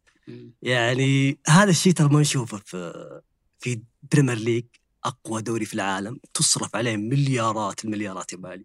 يعني القيمة الرعاية الواحدة اللي في المباراة أعلى أضعاف أضعاف اللي في الدوري السعودي النقطة اللي جاها في ال Premier League ثمينة جدا. قياسا بالدوري السعودي خلينا نتكلم. ومع ذا بصراحة مع ذلك ما تلقاهم يأخرون وقت. ما يخربون ما يخربون اللعب. إثارة الملعب تلقى رتم المباراة عالي. okay أنا أقتل المباراة بس بطريقتي بدون ما أطيح. أخذ الكرة شوي شوي وأحطها جدت ركنية أخذ لي دقيقة ونس... دقيقة ونص أنفذ ركنية آه، ألعب ضربة فاهم الجو هذا اللي اللي وأنت تتابع مباراة ما تشعر بمتعة. لك. وش يخلق هذا؟ يخلق وقت ضايع طويل جدا.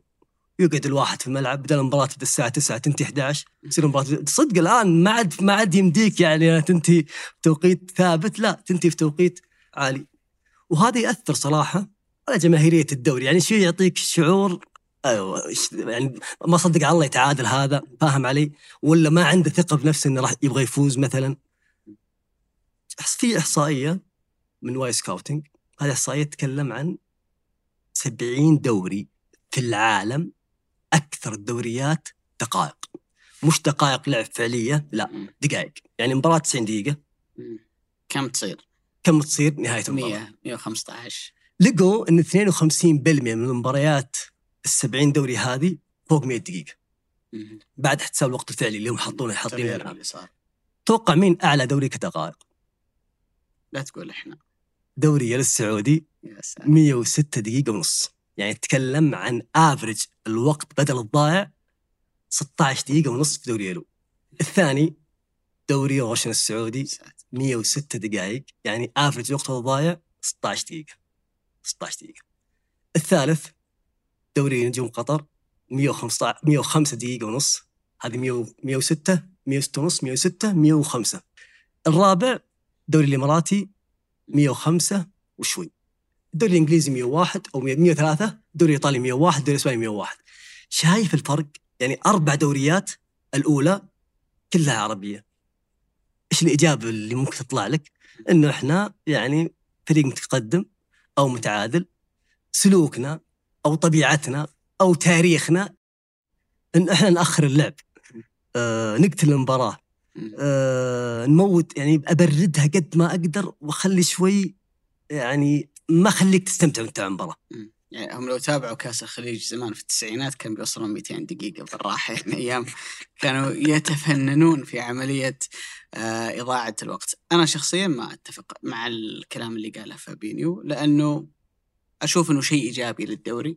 إنه يكون في أندية أقل إمكانيات تنشب للأندية الكبيرة. يعني جزء من متعة الدوري جزء من حلاوة الدوري أنك يعني خلينا نقول اليوم مثلا الاتحاد يلعب مع الهلال مع النصر مع الأهلي. تكلم عن هذه مثلا مباريات مستوى الصعوبة الأول. الشباب التعاون الاتفاق. ممكن الفتح مستوى صعوبة ثاني. الباقي بتشوف المباراة وأنت كم بيفوز الاتحاد؟ ثلاثة ولا أربعة. يصير ما في متعة. طب الأندية هذه كم تمثل من الدوري؟ اللي هي الأندية خلينا نقول أندية النصف الثاني من جدول الترتيب ثمانية تسعة أندية. م. يعني تخيل أني عندي في الدوري 18 مباراة أنا بس أقول والله كم بيفوز في المباراة هذه؟ ما يصير الموضوع تحس أنه إذا أنت أخذ جانب المتعة ترى كمان من هنا تراها ما هي ما هي ممتعة. لا بس النتيجة تكون محسومة. نتكلم عن بيرنلي سابقا في الدوري الإنجليزي. زمان يعني كان واحد اللي يحبون الدوري الإنجليزي ترى كانوا يحبون ستوك سيتي. إيه. لأن كان عرضيه طول كان كور طوليه وشكيري ضدهم حتى كذا في مصطلح يقول لك إنه اللعب في ليلة اثنين ماطرة في Britannia Stadium اللي هو ملعب ستوك. يعني الله لا يوريك جعلك ما تلعب آه، ذا المباراة. الدوري الإسباني ترى فيه. يعني آه، أوساسونا ونوعية أندية ثانية ترى اللعب ضدهم ما, ما هو بأمتع شيء أنت ممكن يمر عليك خلال الموسم. ولكن هل الاتحاد تعثر ضد الفيحة؟ لأن الاتحاد كان سيء. ولا لأن الفيحة عنده نسبة عالية جدا من أنه يعثرك أو يعثر غيرك. طبعا هو الموسم هذا عثر الهلال في صحيح. الجولة الثانية. الموسم الماضي هو اللي تسبب في إقالة رودي غارسيا. صحيح. لما تعادل النصر مع الفيحة في المجمع وبعد ذلك تم إقالة المدرب. إجمالا من لما جاء السيد فوك رازوفيتش مدرب نادي الفيحة لعب ضد الهلال والنصر والاتحاد 19 مباراة. كم تتوقع يا أبو عالية أن عثرهم في مباراة من 19 قياسا بفارق الإمكانيات ما بين ال- اللي المتوقع إنه المفروض تكون خمس بس أنا. أتوقع انها 15 يمكن. من 19 مباراة 11 مرة عطلهم يا بالتعادل يا بالفوز. يعني إنه يفوز عليهم ويتعادل معهم. في ثمان مرات بس قدرت هالأندية إنها تكسب آه، رازوفيتش على مدى الثلاث سنوات الماضية مع الفارق الكبير اللي كلنا نعرفه يعني على مستوى الإمكانيات ما بينه وما بينهم فهو ما هو بشيء جديد إن الفيحة يلعبك مباراة تنشف دمك وتحس إنها مملة بالنسبة لك وهذا أسلوبه في نهاية الأمر. وأنا بأمانة من الناس اللي يعني طالما النتائج يعني تخدمهم أكيد يعني ودي إن رازوفيتش يستمر ولو طلع من الفيحة يروح فريق ثاني الأندية هذه ترى تضيف للدوري تضيف لأنه تحس إنه أنت تلعب المباريات برتم لما تجي عند الفريق هذا لازم تبدأ تدور حلول جديدة تبدأ تحاول إنك تشتغل أكثر على الكور الثابتة لأن في فريق بيطلع خلينا نقول لازم تطلع أفضل ما لديك عشان تكسبه على الرغم من فارق ال- الإمكانات. عادة الفيحة يلعب خمسة مدافعين في هالمباراة لعب بأربعة والملفت كان بالنسبة لي إنه العناصر اللي هو اختارها ترى لو تأخذهم كأفراد تراها عناصر هجومية. يعني هنري أونيكورو اللي هو لاعب الجناح الأيسر من أميز الأجنحة اللي جاية من الدوري التركي. ساكالا هو في الأصل مهاجم كان مع رينجرز ولعب جناح يمين. تتكلم عن واكايمي هو ممكن يلعب تسعة ولاعب جناح الاثنين اللي وراه سمرت من أفضل اللعيبة اللي بالكورة والمغربي صابيري من أميز الإضافات اللي صارت. للفيحة في الفترة الماضية شلون تلعب ذي العناصر مباراة دفاعية في هذا الالتزام مدرب قدر يقنعه يعني وقاعد الرجل بأمانة يعني الملفت أنه يشتغل بعناصر ترى أقل بكثير. من الأندية الأخرى. تعودنا في الدفاع ثنائية سامي الخيبري وحسين الشويش حسين ما لعب وبأمانة ضد الهلال وضد الاتحاد يا أخي مخير رشيد يلعب مباراتين عظيمة. عظيمة صحيح. الرجل ترى لازم معلومة نقولها عنه. ترى في الأصل ظهير يمين ترى راجع من رباط صليبي. ومع ذلك حول رازوفيتش إلى قلب دفاع هنا ينشب لك. ينشف الحلقة حرفيا يعني في المباراتين الأخيرة اللي نتكلم عن الهلال وعن ال- الاتحاد. فهذا هذا شغل مدرب. تكلم عن نونو سانتو. ترى سهل وبسيط تقول والله ليش لعب ثلاثة مدافعين ضد فريق أصلا يعني يتكتل في الجانب الدفاعي؟ اليوم حتى اللي تلعب أربعة. تخيل أي فريق لو الاتحاد لعب أربعة مدافعين مثلا بيبقى سنترين بيبقى قدامهم محور صحيح. وبيطلع الظهيرين. يفتحون الملعب مع بقية العناصر. يعني أنت فعليا هاجمت بسبعة ودافعت بثلاثة. يمكن نفس النقطة اللي قلناها عن الهلال كوليبالي. والبليهي مع نيفيس وتهاجم بالسبعة البقية. ترى هي نفسها. أنا أدافع بثلاثة. وأفتح الملعب بظهيرين يكونون في جانب هجومي. الميزة عندي إني أقدر أطلع محاوري قدام عشان كذا بتشوف فابينيو كان في أحيان كثيرة بتلاقيه قريب من المنطقة. كانتي كان أشبه بلاعب عشرة دائما يزيد داخل المنطقة. أعتقد أن الفكرة اللي كانت عند نونو سانتو إن هذا الفريق اللي يوقف في مساحات ضيقة جدا ويلعب أربعة واحد أربعة واحد فهو يدافع تقريبا تسعة وعشرة يضمون للعمق تقريبا على حدود منطقة الجزاء وحط لهم لاعب يمين ولاعب يسار اللي هم الظهيرين. تتكلم عن شنقيطي يمين وبا مسعود يسار. في حال ما قدرت ألقى حل في في العمق بطلع الكورة على الطرف وبعد ذلك بنتظر صحيح. العرضية مرة ثانية. وبكثف عمق الملعب. فابينيو كانتي كورنادو رومارينيو حمد الله خمسة أجانب من مستوى عالي جدا. باختلاف المهام والأدوار اللي عندهم براهن كثير على الثنائيات الثلاثيات اللي بتكون ما بينهم. مثلثات من هذا لهذا لاعب يزيد شفنا كثير إنه يجي كورنادو من الخ... لاعب من خلف كورنادو يحاول يلعب له العميقة انه كانت يجري في المساحة واحد يحاول يلعب له يعني هذا حل بالنسبة للمدرب. وبتلاحظ إنه في غالب هالاتحاد كان يحاول إنه يتدرج من الخلف للأمام على الأرض. وحتى العرضيات اللي كانت تجي من الأجناب بالضبط. ما كانت اللعب عالية. صحيح. كانت دائما يعني على مستوى الأرض أما إنها يعني داخل الستة أو تلعب اللاعب جاي من الخلف.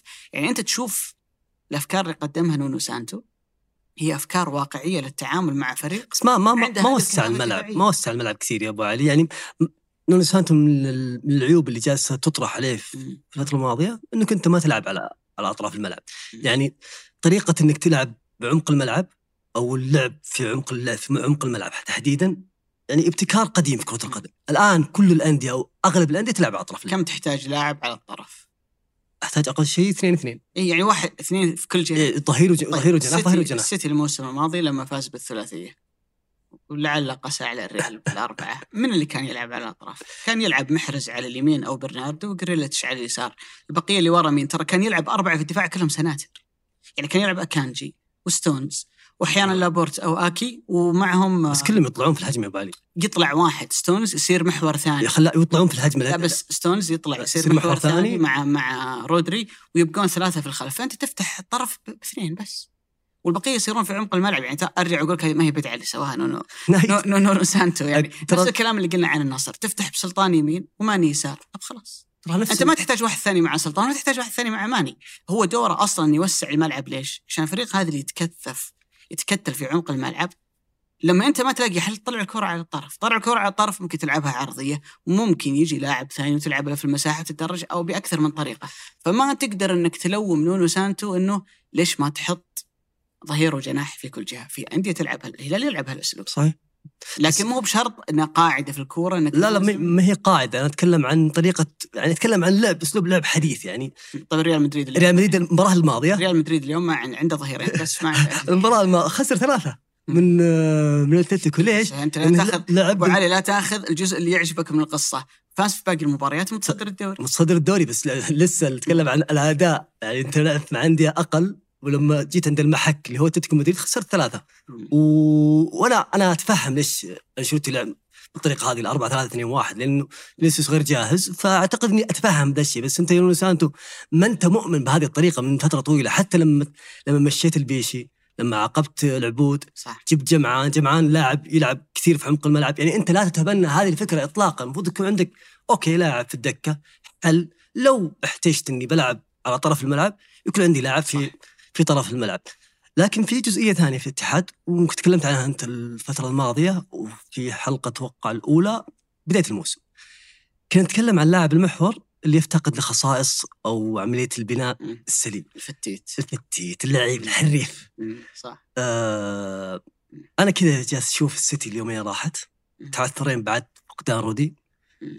وجالس أشوف اللاعبين اللي ينتقلون الآن بمبالغ طائلة جدا على مستوى الميركاتو لعيبة الوسط كلهم تلقاهم لعيبة محور ولكن تلقى عندهم خاصيتين. خاصية إنه فتيت. خاصية إنه فك... بغيت أقول؟ فكيك. فتاك. آه، يفتك كورة وحريف بالكورة. يعني نوعية هالنو- هالا- هالنوع من اللاعبين أول يجيب لك محورين واحد يقطع كور وواحد يمشي باص. لا الآن اللاعب الواحد اثنين في واحد. بس اللي يقطع كورة وفي نفس الوقت يمشي باص.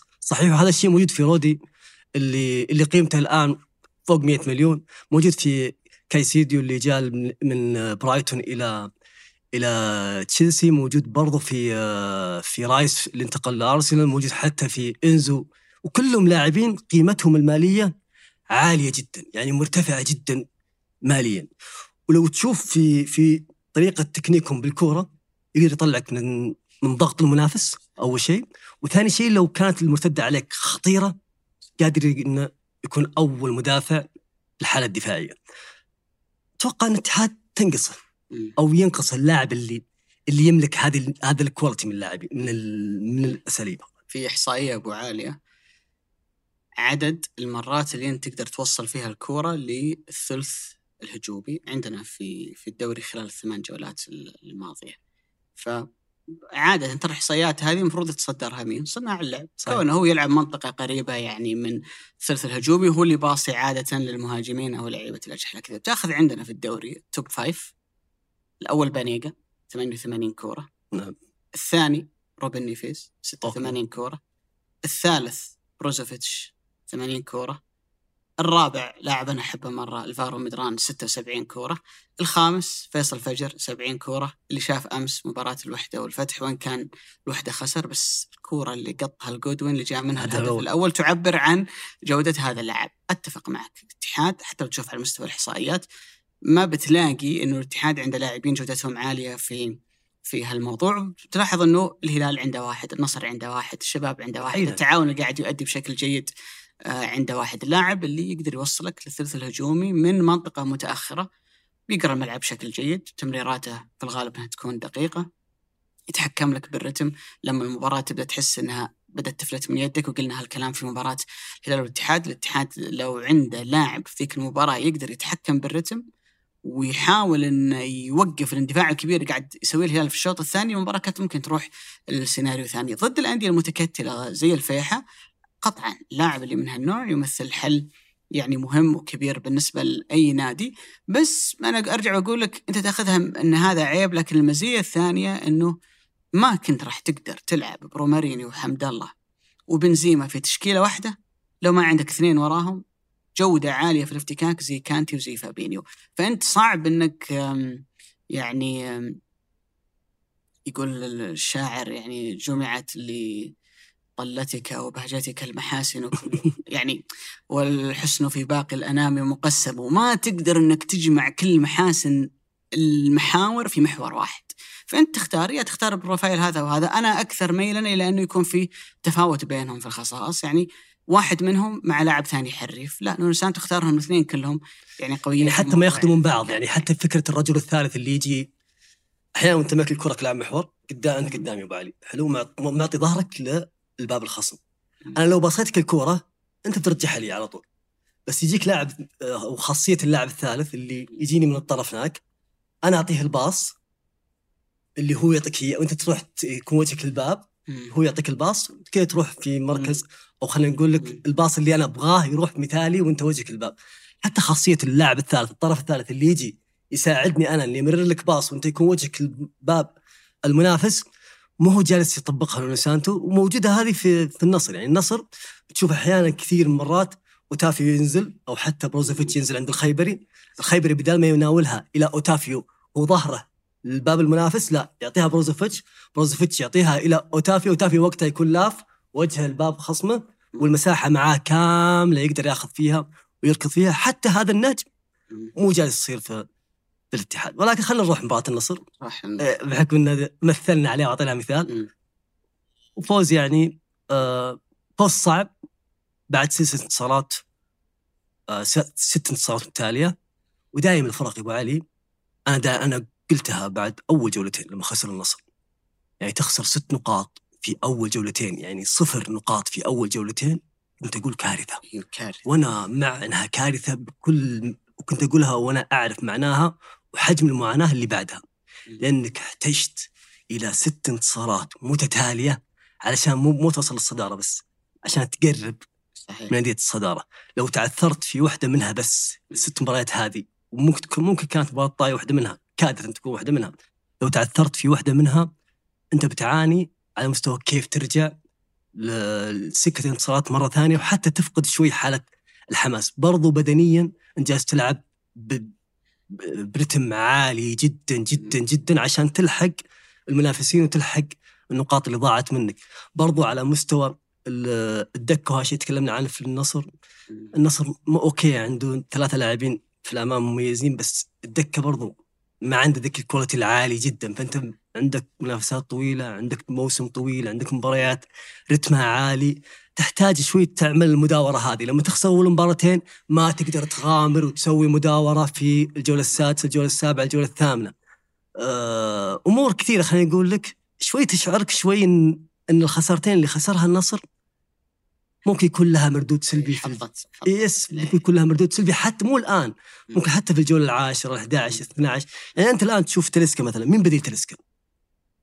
أعطيني لاعب بديل تلسكا. تبي غريب هو اللي يلعب طيب. طيب غير لعلك ندمت على ذا الرأي يا أبو. طيب مين مين بديل ماني؟ يعني في في ايمن يحيى يعني في سامي الناجعي quality شوي أقل من من الأساسي. فأنت بدل ما تسوي هذه المداورة صح. وأنت فايز ومريح لا أنت الحين إجبارا ما تقدر تلعب أو تاخذ المداورة هذه. يمكن قلنا يا أبو علي عن الهلال وينطبق القول أيضا على الاتحاد إنه في شكوك يعني الآن الفريق قاعد يؤدي بشكل نوعا ما متوسط الأول والثاني الهلال والاتحاد لكن الخوف والقلق عند جماهير الفريقين هو من المستقبل. صحيح. لأنه الاتحاد عنده مشاركة مهمة في كأس العالم للأندية ولأنه الهلال الجمهور يعتقد إنه من الممكن إن الأوضاع تصير اسوء يعني مما هي عليه. بالمقابل واقع النصر اليوم رائع جدا. تكلم عن تسع انتصارات متتالية فريق آه، في مجمل البطولات. نتكلم في كل البطولات فيها مباراة كأس ملك ومباراتين في دوري أبطال آسيا فالتوتل تسع مباريات. كلها انتصارات وأداء النصر فيها مثالي. الطبيعي هنا أن الفريق اللي يؤدي بشكل جيد النصر يكون أكثر اطمئنانا صحيح. على مستقبله والأندية اللي ما تؤدي بشكل جيد هي يكون عندها القلق على المستقبل. وخلني بقول رأيي في الكثير من المجازفة. ليس من الجيد أنك توصل للفورمة المثالية أو اللي تقترب من المثالية في سبتمبر. وخليني بعطيك أمثلة يمكن تقنعك يا أبو عالية كم نادي فاز بالثلاثية في في القرن الجديد خلينا نقول؟ برشلونة إنتر، برشلونة بايرن. إنتر بايرن. برشلونة الموسم اللي فاز فيه بالثلاثية. مع إنريكي كان سيء بداية الموسم إلى جاي يناير و... بالضبط. والفريق تغير شكله في النصف الثاني من الموسم. الإنتر لما فاز بالثلاثيه مع جوزيه مورينيو. طلع من المجموعة في دوري أبطال أوروبا بطلعة الروح. صحيح. وكان مهدد ان حتى الدوري يفقد لمصلحة روما. متى صار الانفجار عند الإنتر؟ أشار... في الأشهر الأخيرة من الموسم. آخرها خلينا نضرب كمان مثال بايرن ميونخ. الموسم اللي كان فيه كوفاتش آه، أعتقد اسمه كوفاتش الكرواتي إيه. كان موسم ينبئ إنه بايرن ذهب لل- للهاوية. جاء فليك قلب شكل الفريق في النصف الثاني من الموسم واجرم في أندية أوروبا ذيك السنة دوري أبطال أوروبا لما كانت بالنظام. بس شوف برشلونة من بدايه الموسم هو مب- لا ترى حتى برشلونة أول مباراتين في في موسم 2008 2009 كانت تعثرات. وغير تغيير تكتيكي مهم في النصف الثاني من الموسم لما غير مركز ميسي وانفجر برشلونة. صحيح.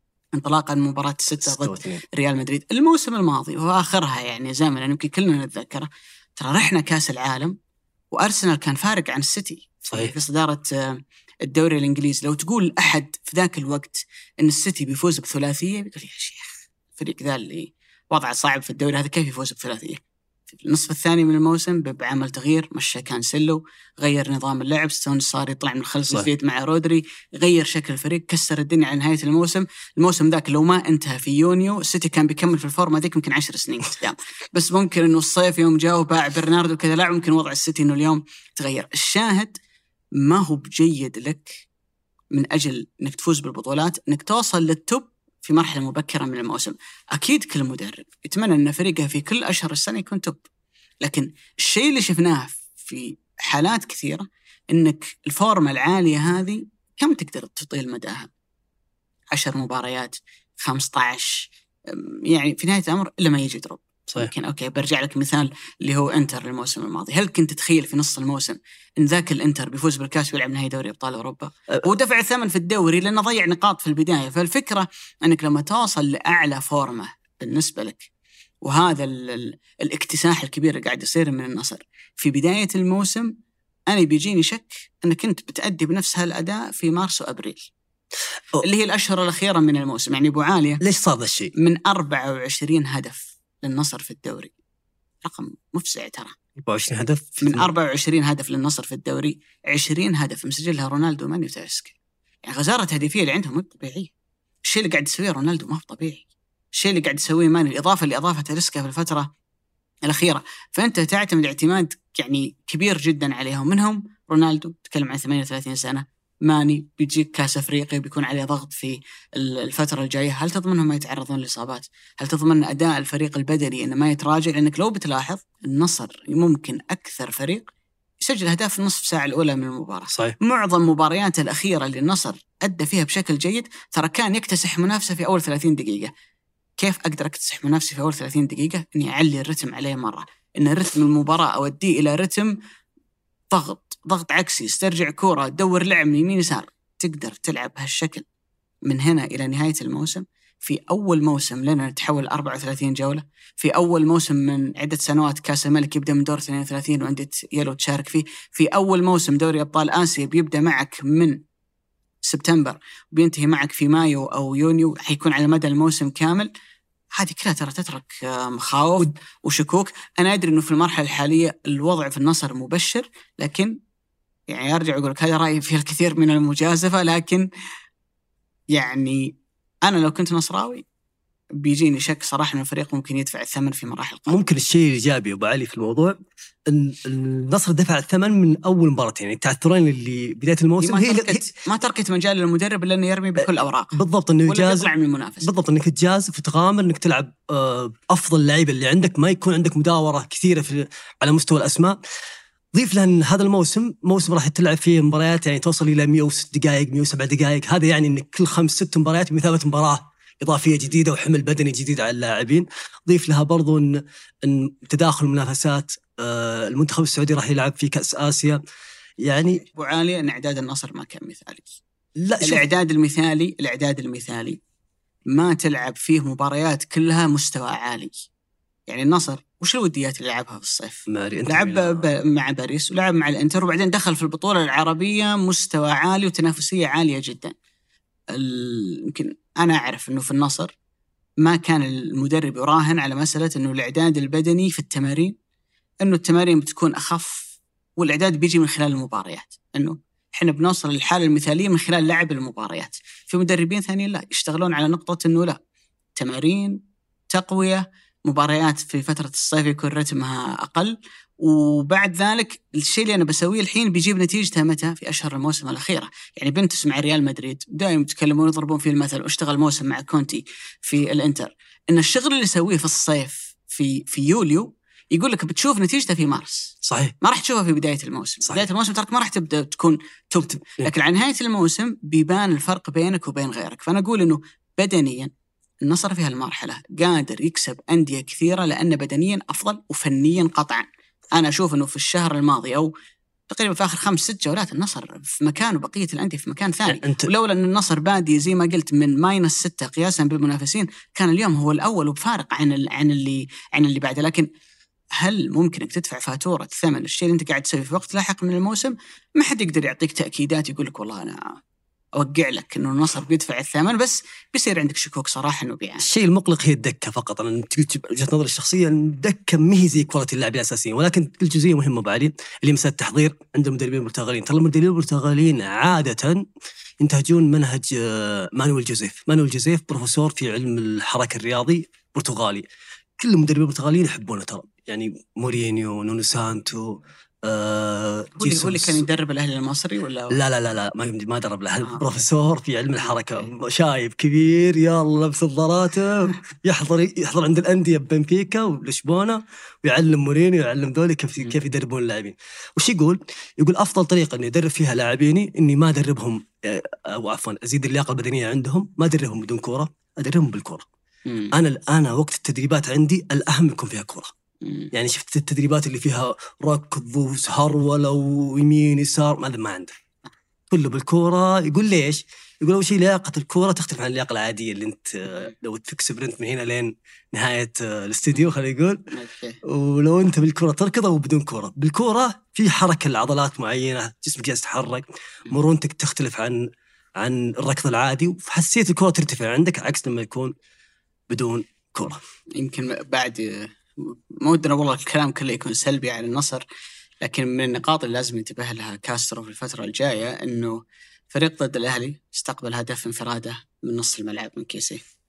ضد أحد استقبل هدف انفراده بذات الطريقة وبعد الهدف الوقت بدل الضايع من الشوط الأول أحد انفرد عليك مرتين.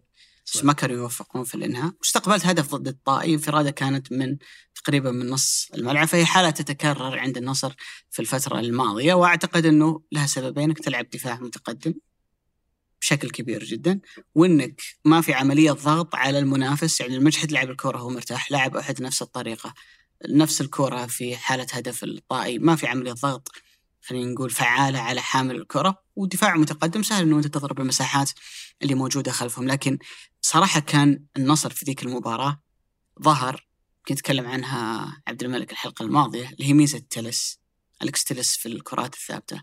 يعني هدف كان مهم جدا ضد الأهلي. هدف تلس اللي كان فاول جانبي. طاي الكرة اللي جاء منها البلنتي اللي سجله كريستيانو رونالدو كان فاول جانبي وتنفيذ رائع جدا من أليكس تلس من أصعب المواقف في الكورة أنك تكون متقدم وتشعر أن المباراة في يدك. والشوط الثاني على دقيقة 70 75 يبدأ المدرب يبدل وخلاص آخر ربع ساعة كيف نحافظ على النتيجة؟ ثم في اللحظة هذه أنت تستقبل هدف كيف أرجع مرة ثانية أني أنا أمسك المباراة وهاجم؟ فكانت ردة فعل النصر جدا ممتازة. وأنا أقول لك قياسا بالضغط اللي قاعدين يمرون فيه طبيعي ومفهوم جدا إن النصر ما راح يخلص كل المباريات بالأربعة والخمسة. يعني ما قبل مباراة الطائي الفريق عنده في آخر ثمان مباريات معدل أربع أهداف في المباراة يعني رقم كاسح كبير جدا. فاز بالخمسة ثلاث مرات فاز بالأربعة ثلاث مرات. فهجوميا الفريق ما عليه أي شكوك لكن طبيعي إنه يبدأ الرتم يتناقص خلال الفترة الجاية. من الأشياء اللي مبشرة في النصر أنه تقريبا تجاوز عدد كبير جدا من المباريات الصعبة. تكلم تجاوز الأهلي الشباب الفتح الاتفاق. التعاون تقريبا كل المباريات الصعبة يمكن باستثناء الهلال والاتحاد النصر تجاوزها فالمرحلة الجاية بيكون الجدولة ممكن أخف وطأة عليه فيقدر المدرب أنه يريح. لما تكسب آه، بيرس بولس على أرضه وبين جمهوره ممكن بعد الجولة الثالثة ولا الرابعة خلاص أنت حسمت الأمور في دوري أبطال آسيا فتبدأ تريح لاعبيك.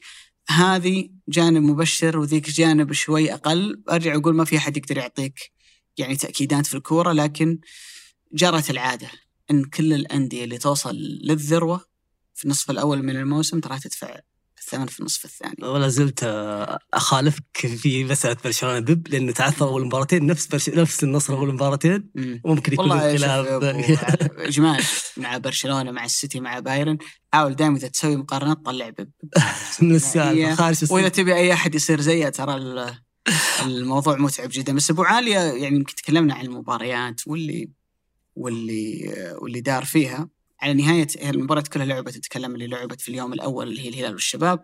الاتحاد مباراة النصر أمس كان عندنا مباراة كبير. أعتقد أنها من يعني كقيمة قياسا بالمستوى اللي قاعد يقدم الاتفاق وقيمة الأهلي هي واحدة من المباريات صراحة اللي كانت مرتقبة.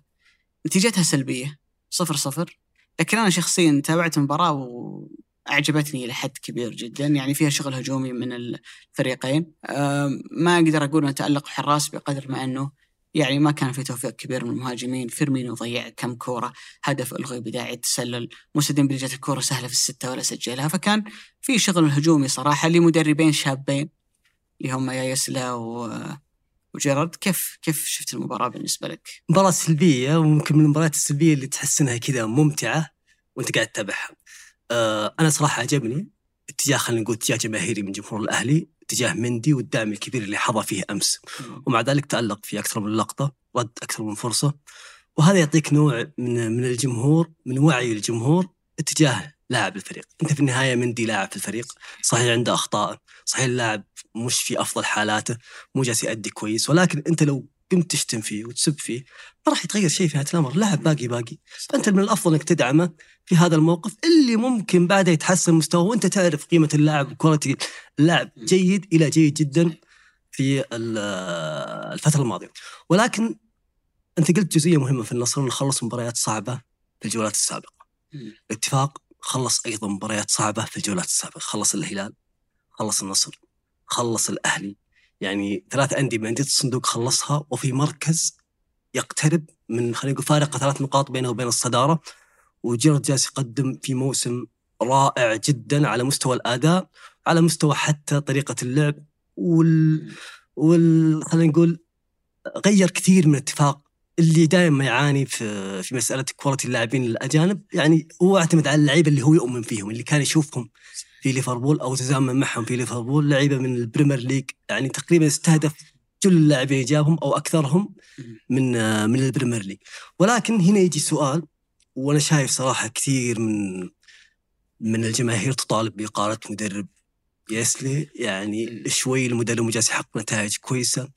آه في إجماع أو في مو إجماع خلينا نقول نوع من الغضب تجاه المدرب اللي ممكن إنه عندهم وجهة نظر تجاهه. وأنا عندي وجهة نظر في هذا الموضوع. أنت لو بتشوف كرة القدم بتقيس على النجاح في كرة القدم تلقى الفريق الفائز واحد. أنت ما بتلقى فريقين بيفوزون. لو كل الخسرانين دولي فاشلين يعني عندك عدد كبير من الفاشلين في ظل نجاح شخص واحد. أنت عشان تنجح في كرة القدم لازم تعرف شيء مكانك الأساسي وين. مكانك أنت جاي من دوري يلو حقيقة مرتقي لدوري روشن. صحيح إنك من أندية الصندوق صحيح إنك دعمت بمبالغ كبيرة ولكن أنت ما عندك quality اللاعب المحلي العالي جدا اللي في الاتحاد اللي في الهلال اللي في النصر. آه صحيح إن المنافسات عندك قليلة بحجم الأندية الأخرى اللي عندها منافسات أعلى ولكن هذا الشيء راح يبان مو الآن راح يبان زي ما قلت أنت في فبراير في March. الآن تحتاج تبني منظومة تبني الفريق تبني هيكلة تحسن أسلوب اللعب تعطي الفريق style وطريقة لعب واضحة من خلالها تبني عليها الأشياء في المستقبل. أنا أشوف وشفناها أصلا مع جيسوس من جمهور الهلال شفناها مع لو لو لو قدر الله. خسر النصر مباراة آسيا وطلع صحيح. كان بيشوفها مع كاسترو. آه شفناها الآن مع يايسله الآن نشوفها مع نونو سانتو اللي جاب الدوري الاتحاد بعد فترة غياب طويلة جدا. في مبالغة في ردة الفعل. وأنا ما ألوم الجماهير لما تكون عندها مبالغة في ردة الفعل. الجمهور لا يلام في هذا لأنه تعود من الإدارات السنوات ال 20 30 سنه الماضية 40 سنة الماضية ان الإدارات دائما تلغي. المدرب ما بد ما لا يلا شيله وجيب مدرب ثاني واللعيبة دائما أقوى من المدرب ولا في مدرب للأندية الاربع مملكه الصندوق من 1975 حتى الآن كمل أكثر من سنتين كمدرب رئيسي. ما فيه. هذه إحصائية يدوية. ممكن يكون استثناء اللي وحيد واحد أو اثنين بس اللي حسبتها أنا ما في مدرب كمل أكثر من سنتين هذا إيش يعطيك؟ يعطيك شعور ان الجمهور المجتمع العالم كله متعودين إنه إذا ما بدع نقيله ونمشي خلاص جرت العادة والعادة لما تجري ما تقدر تغيرها. لذلك لما المدرب يفشل مباراة مباراتين على طول الجمهور يقول قيل له مدرب اللي متعود إنه المدرب لما ما يفوز مباراتين أقيله. بس هل هذا هو المنطقي في كرة القدم؟ المنطقي يقول لك لا. ليش؟ لأن كرة القدم أو منظور, الإدارة الرياضية بشكل عام ما في مدرب يقال عشان خسر مباراة فاز مباراة، لأن لو مدرب خسر وقلته ترى كل المدربين بيخسرون في نهاية الأمر، أنت تبحث عن نجاح المدرب في مسألة تقييمات خ... أشياء خاضعة للتقييم، يعني مش على إني فزت ولا خسرت، لأن الفوز والخسارة بيد الله، بس في أمور تبان إن الفريق والله رايح level أعلى، يعني كلوب على سبيل المثال لو كانت إدارة إدارة ليفربول متعجلة كان قالته بعد أول موسم وثاني موسم وراح ولا حقق هذا المنجز الكبير. بيب جوارديولا في أول موسم مع السيتي ما جاب ولا بطولة كان قالت إدارة السيتي ولا حقق ولا شيء. السير أليكس فيرجسون أول خمس مواسم ست سنوات ما حقق ولا لقب مع مع مانشستر يونايتد ومع ذلك أخذ صحيح في نماذج فشلت وهي استمرت فترة طويلة فشلت ولكن النموذج الأصح إن التقييمات اللي عندك الموجودة للفريق الاداء الفريق الفني. جالسة ترتقي الفريق جالس تتحسن في عمل في نظام فيه في سيستم مخلوق في الفريق في تحسن. أنا كذا أمشي معك لأن النجاح لشخص واحد والفشل ل 18 الثانيين الآن مع مع المدراء التنفيذيين اللي جالسين يطرحون أو يطرحون الآن على الطاولة سواء المدير التنفيذي الجديد لنادي النصر، المدير التنفيذي الجديد اللي يطرح لل- للهلال أنتونيلي اللي في الإنتر، وكم رئيس تنفيذي الآن جالس يطرح لأندية الصندوق. كل هذه الأمور بتتغير. لما يجي يشوف مفهوم الرئيس التنفيذي في أوروبا ترى مختلف عن المفهوم اللي ممكن المشجع أو أنت يا أبو علي تتخيله. أنت تخيل أن الرئيس التنفيذي هذا هو المسؤول عن التعاقدات والمسؤول عن النادي والمسؤول عن القرارات والمسؤول عن الميزانية والمسؤول عن كل شيء لا رئيس تنفيذي في أوروبا ينقسم إلى قسمين. رئيس تنفيذي مهتم بالأعمال وال business والرعايات والأشياء هذه. ورئيس تنفيذي الثاني مهتم في الفريق الأول وكرة القدم كاملة. يعني إذا كان الفريق اسمه FC برشلونة FC إنتر ميلان يكون عنده اثنين رئيس تنفيذيين. واحد للرعايات والأعمال والماركتينج والتسويق والأموال والإدارة المالية بشكل عام والثاني للفريق كرة القدم. يعني يجي عند النادي الفريق الأول وش تبغى صفقات المدرب؟ يتفاوض معاه يتكلم معاه يجيب اللاعبين. يجي عند فريق الشباب وش سياساتكم؟ سياستنا كذا كذا كذا يلا بجيب لكم. يجي عند الفريق الناشئين الأكاديمية كرة القدم كاملة. وفق الاستراتيجية والمنهجية اللي من واضحها واضحها مجلس الإدارة. يعني مجلس الآن في الأندية الاربع المملوكه للصندوق مجلس الإدارة يتكون من سبع أشخاص خمسة من الصندوق واثنين من الغير ربحية حسب المعلن عنه. لما يكون عندك رئيس تنفيذي الآن من الصندوق يعني الخمسة في معهم واحد أجنبي اللي هو رئيس تنفيذي مجلس الإدارة. اللي هو الجديد اللي, اللي هو يس اللي هو الجديد. وعندك اثنين في من الإدارة غير ربحية اللي هم عندك اللي هم في الهلال مثلا فهد مفرج فهد بن نافل. في النصر أتوقع آه، الغامدي ومسلي. في, في الاتحاد المارو كاكي أتوقع ماني عارف. القرارات الأساسية من هذه مجلس الإدارة. في ال board يجتمعون أنت ميزانيتك يا حق الكورة يا فهد مفرج ميزانيتك 100 مليون. ما تعداها. لما يبدا الموسم وجيسوس كلام عليه كثير الجمهور يلا شيل جيسوس يجي فهد مفرج يبغى يشيل جيسوس ما يقدر ياخذ قرار لأن الجمهور ضغط علي وأصر علي وأنا والله ما أقدر وخلاص ولا تاخذ هذا القرار أنت ميزانيتك بتتأثر. كم بتتأثر؟ والله بتقل؟ لا. يرفض أنتونيلي مثلا يروحون للبورد يجلسون اجتماع ها؟ أنا رفضت.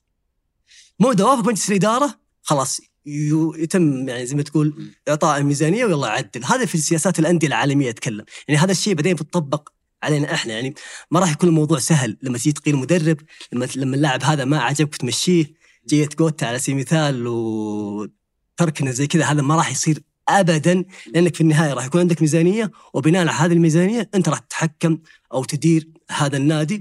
وهذا الشيء في كل الأندية موجود وفي كل العالم. لذلك رؤساء التنفيذيين في أوروبا غالبا يهتمون كثير لل marketing العلامة التجارية لقوة النادي لديمومة النادي استمراريته كيف أني ما أحمله ديون أكثر من اللازم عشان يستمر معي سنوات وسنوات طويلة ولا يتأثر على يعني مع مرور السنوات ومع الأزمة المالية ولا أتخذ قرارات عاطفية بين قوسين عشان والله الجمهور زعلان ما يبغى المدرب أو علشان أو عشان أحسن مستوى الفريق. كل قراراتي تكون أهم شيء ما تضرني ماليا. عشان كذا تشوف جماهير المان يونايتد كل يوم احتجاجات على جلايزر. كم مرة سمعت out فينجر من قبل لا يطلع فينجر بثلاث سنوات. نفس الكلام على على مدربين كثار صارت ومع ذلك الإدارة تكون حكيمة ومتعقلة ولا تتخذ قرارات جريئه زي هذه. شوف هو أكيد نحن رايحين لمرحلة جديدة مختلفة عن عن كل السابق لكن أعتقد في ظني إنه إحنا في بعض الأحيان نبالغ في فكرة المثالية إنه إحنا بننتقل من أقصى اليمين لأقصى اليسار أو العكس يعني إنه إحنا نقيل مدربين كثير فبنوصل لمرحلة المدرب مهما يخبص مهما يسوي ما راح يمشي. نشوف حتى اليوم في أوروبا اللي دائما نضرب بها المثل يعني مثلا فلورنتينو بيريز لديه تاريخ جيد يعني من إقالة المدربين. تشيلسي على سبيل المثال كم مدرب اقال في السنوات الماضية؟ بل انه في مدربين كان يقيلهم زي كونتي ويقعد يمشي له راتب لأنه ما فسخ العقد بس إنه ازاحه من الوظيفة اللي هو فيها وجاء وحط واحد ثاني آه، مكانه. فما أعتقد إنه بنوصل للحالة المثالية لكن الموضوع بيصير العملية نفسها الإجراء نفسه بيصير أصعب مما هو عليه السابق. وعشان كذا بتشوف عندنا في الدوري إنه في مدربين ما تم الإعلان عن إقالته لكنه ما عاد يدرب الفريق. حالة غريبة شوي يمكن نادي الرياض آخر مباراتين ما تم الإعلان عن إقالة يالك فيريرا لكن اللي قاعد يمسك الفريق هو مدرب ثاني وممكن تشوف النموذج هذا مع عدة أندية في الفترة القادمة. إذا في شيء بقوله عن الأهلي أنه نقطة جدا مهمة أشارت لها أبو عالية فكرة أنه ترى في بطل واحد. في نهاية الأمر بيكون عندنا 17 فريق ما فازوا بالدوري. آه فبالتالي مستحيل هذول كلهم فاشلين. الهلال قاعد يشتغل النصر الاتحاد هذول بشكل واضح. وفارقين عن الأهلي، الثلاثة ذول في اثنين منهم سيقال عنهم إنهم فشلوا إنهم. يفوزون بلقب الدوري، فالمفروض ان الأهداف تكون منطقية وطبيعية وإنك تحاول إنك تتدرج. أنا أعتقد الناس دائما هي في الكورة مأخوذة بفكرة اختصار الزمن إنه أنا أكون هنا وبعدين أصير هنا يعني. طيب العشر درجات هذه تبغى ترقاها في مرة واحدة. فيه أندية نجحت. وفي نماذج لكنها نادرة زي ما قلنا قبل شوي على موضوع بيب إنك تاخذ نموذج متطرف شوي وتعتقد إنه النموذج المتطرف هذا لازم يصير في كل مرة. أو أنا أطالب فريقي إنه لازم يحتذي بالنموذج اللي ما يصير أصلا إلا في كل عشر سنوات مرة. فبالتالي الموضوع ممكن يكون صعب شوي. يا يسلا بعد المباراة حاول إنه يبرر وذكر هالموضوع وقال إنه الفريق كان الموسم الماضي في دوري ألو وإنه إحنا نحتاج لكن ترى وضح في هالمباراة في المباريات الأخيرة لأنه الأهلي الأربع مباريات الأولى ما كانت صعبة. ثم لعب مع الفتح ال- التعاون النصر ال- اتفاق. الاتفاق خرج بفوز وحيد صعب. آه، قرار حكم الفار ترى كان ممكن لولا أن التعاون يتعادل معك ثلاثة ثلاثة. عدا عن ذلك ما تقدر تفوز على أي فريق يعني مقارب لك في في المستوى. ظهر صراحة فارق الجودة في اللاعب المحلي ما بين الأهلي وما اتكلم عن اللي واجههم في الملعب عن المنافسين اتكلم عنهم الهلال النصر الاتحاد. آه، في مراكز في الأهلي صراحة يوجد فيها اليوم لاعبين مجتهدين لكنهم صراحة ما يتماشون مع بقية ال- العناصر. أنا أشوف إنه الثلاثي المحلي اللي لعب في المباراة الأخيرة مع إيبانيز في دفاع الأهلي يعني في أفضل أحوالهم ترى ما يلعبون أساسيين في أندية ثانية.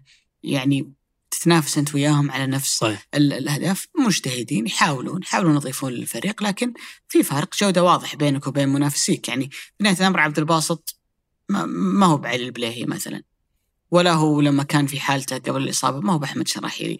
ظهيرك الأيسر سعد بالعبيد في هالمباراة قياسا بالمستويات اللي شفناها في السنوات الماضية. في نهاية الأمر حتى من كان متراجع ما هو بياسر الشهراني. ولا هو مثلا تتكلم يعني آه، في الاتحاد حتى عن اللاعبين ممكن يعني لو تقيسها مثلا على جانب الظهير الأيمن تتكلم عن مد الله أو في الهلال السعودي أو غيرهم في فارق واضح صراحة عندك في جودة العنصر المحلي. الأهلي عنده وفرة في عناصر الجانب الهجومي. سميحان أنا اشوفه من نوعية اللاعبين اللي ممكن يلعب في أي نادي. صحيح. لاعب مؤثر وممتاز وعنده فهم رائع جدا دائما الأدوار اللي يعطيها المدرب فعليا ما هو قاعد يلعب في مركز اللي تعودنا في التعاون بس دائما لما ينزل يقدم الإضافة فراس قاعد يحاول إنه يتعايش مع فكرة إنه يلعب لاعب جناح. هو في الأصل لاعب تسعة لكن في النصف الثاني من الملعب لا في فارق جودة واضح بينك وبين منافسيك فأعتقد إنه لابد إنه يكون في هدوء أكثر. آه، أنت لما تختار مشروع مدرب زي يسله يا تعطيه الثقة وتصبر عليه يا من الأساس أنت ليش تتعاقد معه؟ تبحث عن نتائج سريعة مدرب قليل خبرة زي يسله ما هو ما هو اللي راح يوصلك لها. كان المفروض إنك تروح باتجاه خيار ثاني أو إنك تختار الحل المنطقي والعقلاني إنك تكون صبور على هذا الفريق وإنه شوي شوي يرجع للمنافسة آه، مرة أخرى. أشرت إلى نقطة أبو علي اللي هو اللي هي جودة اللاعب ال- المحلي نفس اللي كنت أتكلم عنه قبل شوي ولكن حتى على مستوى اللاعب الأجنبي. يعني ترى الأهلي من الأندية اللي غيرت ثمان لعيبة كاملين الأجانب كلهم. النصر ترى ما غير كل الأجانب. يعني بقى عنده تاليسكا استمر رونالدو. معاه رونالدو عنده جودة لاعب محلي كانت فارقة في السنوات الماضية. اتحاد برضو ما غير كل لعيبته الأجانب برضو عندك كواليتي اللاعب المحلي لا زال فارق ويؤثر في في الفريق الهلال نفس الكلام صحيح غير مجموعة لعيبة أجانب كثيرة ولكن برضو جودة اللاعب المحلي لا زالت فارقة وباينة الأهلي لا على مستوى اللاعب الأجانب ولا حتى حتى نات- نابت لما نتكلم عنه. ترى اللاعب لسه برضو جاي من التعاون يعني لاعب لسه ما بعد استقر في المنظومة الأهلاوية الجديدة في الفريق بشكل عام. كله جالس يبنى الآن ب- بشكله الجديد مع مدرب شاب. وأعتقد أنا مؤمن صراحة في المدرب الشاب ومؤمن في يس لأنه قادر ياخذ الفريق لمرحلة أعلى. وخلينا نقول لك الدوري ترى لسه طويل. يعني لسه باقي عندك أندية راح تلعب أو عندك ال- الأندية ال- الثلاثة اللي إحنا ضربنا فيها المثل أندية الصندوق عندها لاعبين محترفين كثار فهم رايحين مع منتخباتهم الوطنية راح يلعبوا مع المنتخب السعودي في كأس آسيا راح يعانون من ضغط المباريات عندهم بطولة آسيا عندهم السوبر الاتحاد عنده كأس العالم للأندية. يعني أنت بحالك راح تلعب بطولة دوري فقط. فأنت عندك أفضلية عليهم كلهم من ناحية ضغط المباريات في الفترة القادمة في نفس الوقت قادر إنك خليني أقول لك ما تعمل مداورة كثير في الفريق لأن مبارياتك قليلة عكس الأندية الثانية اللي تضطر أنها تسوي المداورة وممكن تفقد فيها العديد من النقاط. لكن خلينا نروح للتعاون. النموذج أنا أشوفه الأجمل في الدوري السعودي هذا الموسم. يعني هو مو بس مركز الثاني أو المركز الثالث فارق آه، الأهداف. هو خلص مباراة الأهلي خلص مباراة النصر خلص مباراة الرايد قل معي. لعب مع الفتح. مع الفتح. ومع ذلك 19 نقطة من ثمان مباريات يعني تقريبا خلينا نقول خسر. آه خمس نقاط خمس نقاط وست نقاط. 18 آه من 24 ست 24 نقاط. ست نقاط. خسر فقط ست نقاط. وفي ظل إنه قابل انديه بهذا الكواليتي مم. طيب قديش الفريق يعني كيف أقولها أنا؟ أنا أشوف أشبه دائم الفتح أو عفوا التعاون. شفت النصر في موسم 2019 مم. لما كان يلعب آه، بسبع أجانب كل السبع أجانب مؤثرين. هذا الفتح. عفوا هذا التعاون. الثمان أجانب موجودين في الملعب ثلاثة في القدام ثلاثة وسط مدافع حارس كلهم مؤثرين. كل اللعيبة يلعبون في أرض الملعب كلهم عندهم نوع الآد يسمونه الآد فاليو كيف يعطي الاضافه في الفريق؟ يعني في كثير من الأندية اللي تجيب لاعبين في مركز واحد تحط لاعب دكة ولاعب أساسي. هذا مو موجود في, التعاون. زائد شاموسكا جالس يستفيد من الكور الثابتة. وتكلمنا الفترة الماضية في حلقة سابقة إنه سجل خمس أهداف، الحين الرقم وصل إلى سبع أهداف، سبع أهداف من 16 مباراة من 16 هدف من كرة ثابتة، إحنا نتكلم تقريبا عن عن معدل أكثر من نص أو 45% من الاهداف من كور ثابتة، استغلال الكور الثابتة، التعاون ترى مسجل ست أهداف من ركنيات من 45 ركنية. بينما الهلال 52 ركنية هدف واحد وهذا يعطيك شوي قديش الفرق الأقل دائما تحاول تصنع الميزة الإضافية اللي من خلالها تقدر تنافس، أنت أحيانا ما تقدر ما تقدر تفوز على أندية عندها كرة لاعبين جودة لاعبين عندهم مهارة فردية يعني أندية قوية عندها شخصيتها في أرض الملعب ولكن تقدر تأخذها لجوانب أخرى في المباراة كرة ثابتة كرة طولية يعني أقرب نموذج على ذلك في كرة القدم العالمية برنتفورد برنتفورد مو من الأندية مو من الأندية تجيب لك لعيبة بجودة عالية ولكن العادة يجيب لك مهاجم طويل صحيح. يضرب بالراس ينزل كورة ياخذ كرة ثابتة مم. يعني يفوز بأقل التكاليف على قولتهم. أنت أبو علي يمكن رحت درستها كجانب إحصائي لا أنا رحت سألت يعني اشخاص في التعاون؟ إنه وش اللي تغير في الفريق السنة هذه؟ عشان صار عنده هذا التميز الكبير في الضربات ال- الثابتة. جاء في بالي إنه يعني جابوا تعرف القصة اللي دائما في. الدوري الإنجليزي؟ والله جابوا مدرب رميات حراس إيوه. والله جابوا مدرب يدربهم على الكور الثابتة فكان الجواب لا إنه من الموسم الماضي شاموسكا والجهاز الفني المساعد له يعني يعطون اهتمام كبير بتنفيذ الضربات الثابتة. ولكن أحيانا إحنا نعتقد إنه لما أجيب مدرب كويس معناته ساحصل على نتيجة مختلفة بس لاني أنا عندي مدرب كويس. لكن ترى العنصر يلعب دور صحيح. مهم جدا في إنك شلون تفعل هالموضوع.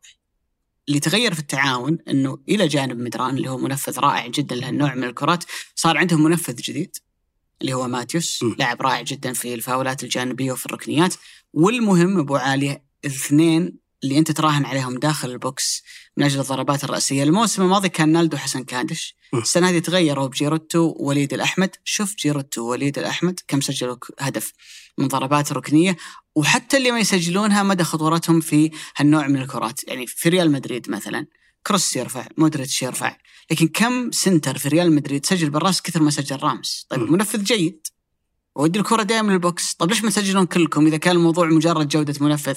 هي تعتمد على جودة المنفذ على جودة اللاعب ضارب الرأس. بصراحة من المزايا اللي أضافها وليد وجيروتو بالنسبة للتعاون أنه أعطاهم حل مختلف في الكرات الثابتة. القصمان يقولون أبو عالية التعاون ما أبو مثله. ما بالقصير أنا أقول بالقصير. الدوري كله ما فيه صراحة زي التعاون في الفترة الأخيرة. و- وتدري وش النجاح الكبير بالنسبة للتعاون؟ أن ولا يزعلون مني جمهور الرائد أنه ارتقى على المنافسة المحلية. يعني كان دائما الصراع رائد وتعاون. وتحس إن هدف كل فريق إنه بس يصير أحسن من الثاني. التعاون رايح الهدف مختلف. أنا ما أبغى بس اصير أحسن منك. ولا من أندية المنطقة. سواء الرس لو صعد العربي لو صعد النجمة في حزم. في فترات لاحقة الحزم أكثر من نادي يعني موجود في منطقة القصيم. هدف التعاون اليوم إنه يكون واحد من ال top four في الدوري. والتعاون اليوم أنا أقول لك لو فيه مستثمر نادي رائع جدا وأنت تستثمر فيه. يعني في واحد ما بقول اسمه هو يعني مهتم جدا بالتسويق الرياضي قال رأي عن التعاون رائع جدا. قال التعاون هو الهلال الفرع القسمان. أنت كيف تشوف الهلال اليوم إنه كمنظمة كمؤسسة ناجح والفريق في هدوء ودائما تشعر إنه البيت الهلالي المشاكل تبقى داخله؟ هذا اللي قاعد يصير في التعاون. يعني اللي قاعد يصير في التعاون إنه الفريق يشتغل بهدوء، الفريق يشتغل دائما على أهداف بعيدة المدى، الفريق ما ما يتعجل في موضوع إقالة مدربين أو إلغاء عقد لاعب ولا تحس إن عنده مشاكل زي اللي تصير مع الأندية اللي هي من مستوى التعاون، فأنا أعتقد حقق بطولات تأهل دوري أبطال آسيا. سواء أحرز الأشياء هذه ولا ما أحرزها، النجاح الكبير للتعاون إنه ارتقى على المنافسة المحلية الإقليمية وصار فريق يصنف على أنه ينافس على الأهداف الكبرى في الدوري. الفتح فاز بالدوري، لكن كم سنة شعرت أن الفتح هو فريق أنت تعتبره واحد من أقوى أربع وخمسة أندية في الدوري، في سنوات كان يوصل وفي سنوات كان ينزل تحت شوي. في أندية يعني قربت وبعدت، الميزة في التعاون أنه واضح إنه الهدف والمشروع إن الفريق يبقى في المنافسة، إن الفريق دائما ما ينظر له على إنه واحد من أقوى خمسة ستة أندية موجودة في الدوري، يمكن تكلم اليوم إنه الاتفاق اللي غير الفريق. أخذ من حالة إنه فريق موجود تحت إلى فريق يصنف إنه من أقوى خمسة أو سته أندية في الدوري، تعاقد مع مدرب زي جيرارد، صفقات كبيرة، ديمبلي، آه، هندرسون، فينالدوم، لعيبة خبرة، في التعاون موضوع مختلف تماما. الموضوع أرجع واقول لك وأنا أكرر على هذه النقطة من هذا الفريق جاي من القصيم اللي اختار ماتيوس اللي اختار موسى بارو اللي اختار جواو بيدرو المهاجم مدران يعني ترى جاي من okay لاعب في ريال مدريد بس ترى جاي من الدوري الأمريكي فلافيو ما كنا نعرفه قبل لا يجي أشرف المهداوي ما هو اسم كبير وبارز يعني أنت لما تروح تشتري من السوق تعاون لما يروح ينافس على لاعبين ما ياخذ أفضل الخيارات اللي موجودة في السوق اللي يتنافس عليهم على الأندية الكبيرة يعني ممكن إلى قبل سنة أبو علي أنا أتخيل هندرسون إنه لاعب ارتكاز في الهلال ولا في الاتحاد ولا في النصر. صح. نفس الكلام ينطبق على موسى ديمبلي نفس الكلام ينطبق على قراي اللاعب الممتاز اللي جابوه في نالدوم. يعني التعاون لا يروح المستوى ممكن أقل أقل شوي. أرخص لكن جودته وتأثيره كبيرة جدا على الفريق. أنت قلت يا أبو علي إنه الثمانية أجانب كلهم مؤثرين. الخبر الجيد للتعاون أنا طيت الفترة الماضية ثمانية ما كانوا يلعبون. يعني الموسم الماضي فلافي اصيب بقطع في الرباط الصليبي وكمل مع الفريق مع الفريق طوال الموسم، قبل كاكو لاحظ ان هم عملوا مخالصه للاعب ومشوه. توامبا ورجعوا انتظروه لين ما عاد مرة ثانية. الموسم الماضي التعاون كان يلعب منقوص من لاعب أجنبي لأنه مصطفى فتحي صارت له مشكلة ورجع إلى مصر وما كمل مع الفريق. فكمل الموسم تقريبا كان في معظم المباريات يلعب خمسة وسته لاعبين أجانب، هذا أول موسم مع إدارة الدكتور سعود رشودي إن الفريق ثمانية أساسيين فاعلين مؤثرين أنا بالنسبة لي أعتقد إنه الهدف المنطقي والطبيعي لنادي زي التعاون إنه ينافس على ال top four، إنه ينافس إنه يروح في بطولة كأس الملك إلى أبعد مدى واللي أتمناه صراحة. تذكر لما فيصلي آه، لما الفيصلي فاز بكأس الملك حفز الفيحة إنه نافس وفاز بكأس الملك. نبي الغيرة المحمودة ذي إنه نجاح التعاون يحفز الرائد، يحفز الحزم، في حال الصاعد العربي. الأندية الثانية اللي موجودة في نفس المنطقة إنه ما يكون هو المستفرد لأنه بأمانة أوكي هو شيء يحسب لهم ونجاح لكنك ودك يكون في منافسة. مثلا زي اللي سواه الفتح. صحيح. قضى على المنافسة في الحسا خلاص. أول كان الفتح هجر العدالة حاليا الفتح هو النموذج. إي هو الفريق اللي متسيد اللي قاعد ياخذ أفضل المواهب. اللي أنا لو عندي ابني لاعب موهوب وعنده رغبة إنه يزاول كرة القدم أتمنى إنه يروح يلعب في الفتح ما يلعب في أي نادي ثاني في المنطقة.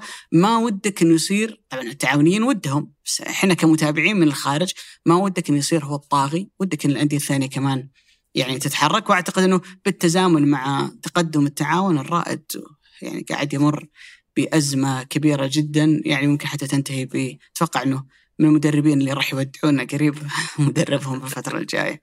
شوف أنت قلت جزئية مهمة جدا في مسألة النجاح النجاح يخلق لك حالة تغيير أو حالة نجاح أخرى تبحث عنها. يعني في كثير من الأندية لما تنجح نجاح فردي أو نجاح معين خلاص توصل للقمة وتنهار بعدها أو يقر رتمها أو تعاني مثل ما صار مع الفيصلي. الفيحة نوعا ما آه الفتح بعد ما وصل لنجاح الدوري نزل والآن بدأ يرجع أو عفوا الفتح نقص على النقيض تماما في التعاون. أنا أعتقد أن التعاون ونموذج الفتح أيضا في مسألة القرارات. كرة القدم يا أبو علي ما تدور إلا حول قرار. أنت القرار تتخذه هذا اللي راح يمشي عليه النادي في السنوات الجاية واللاحقة.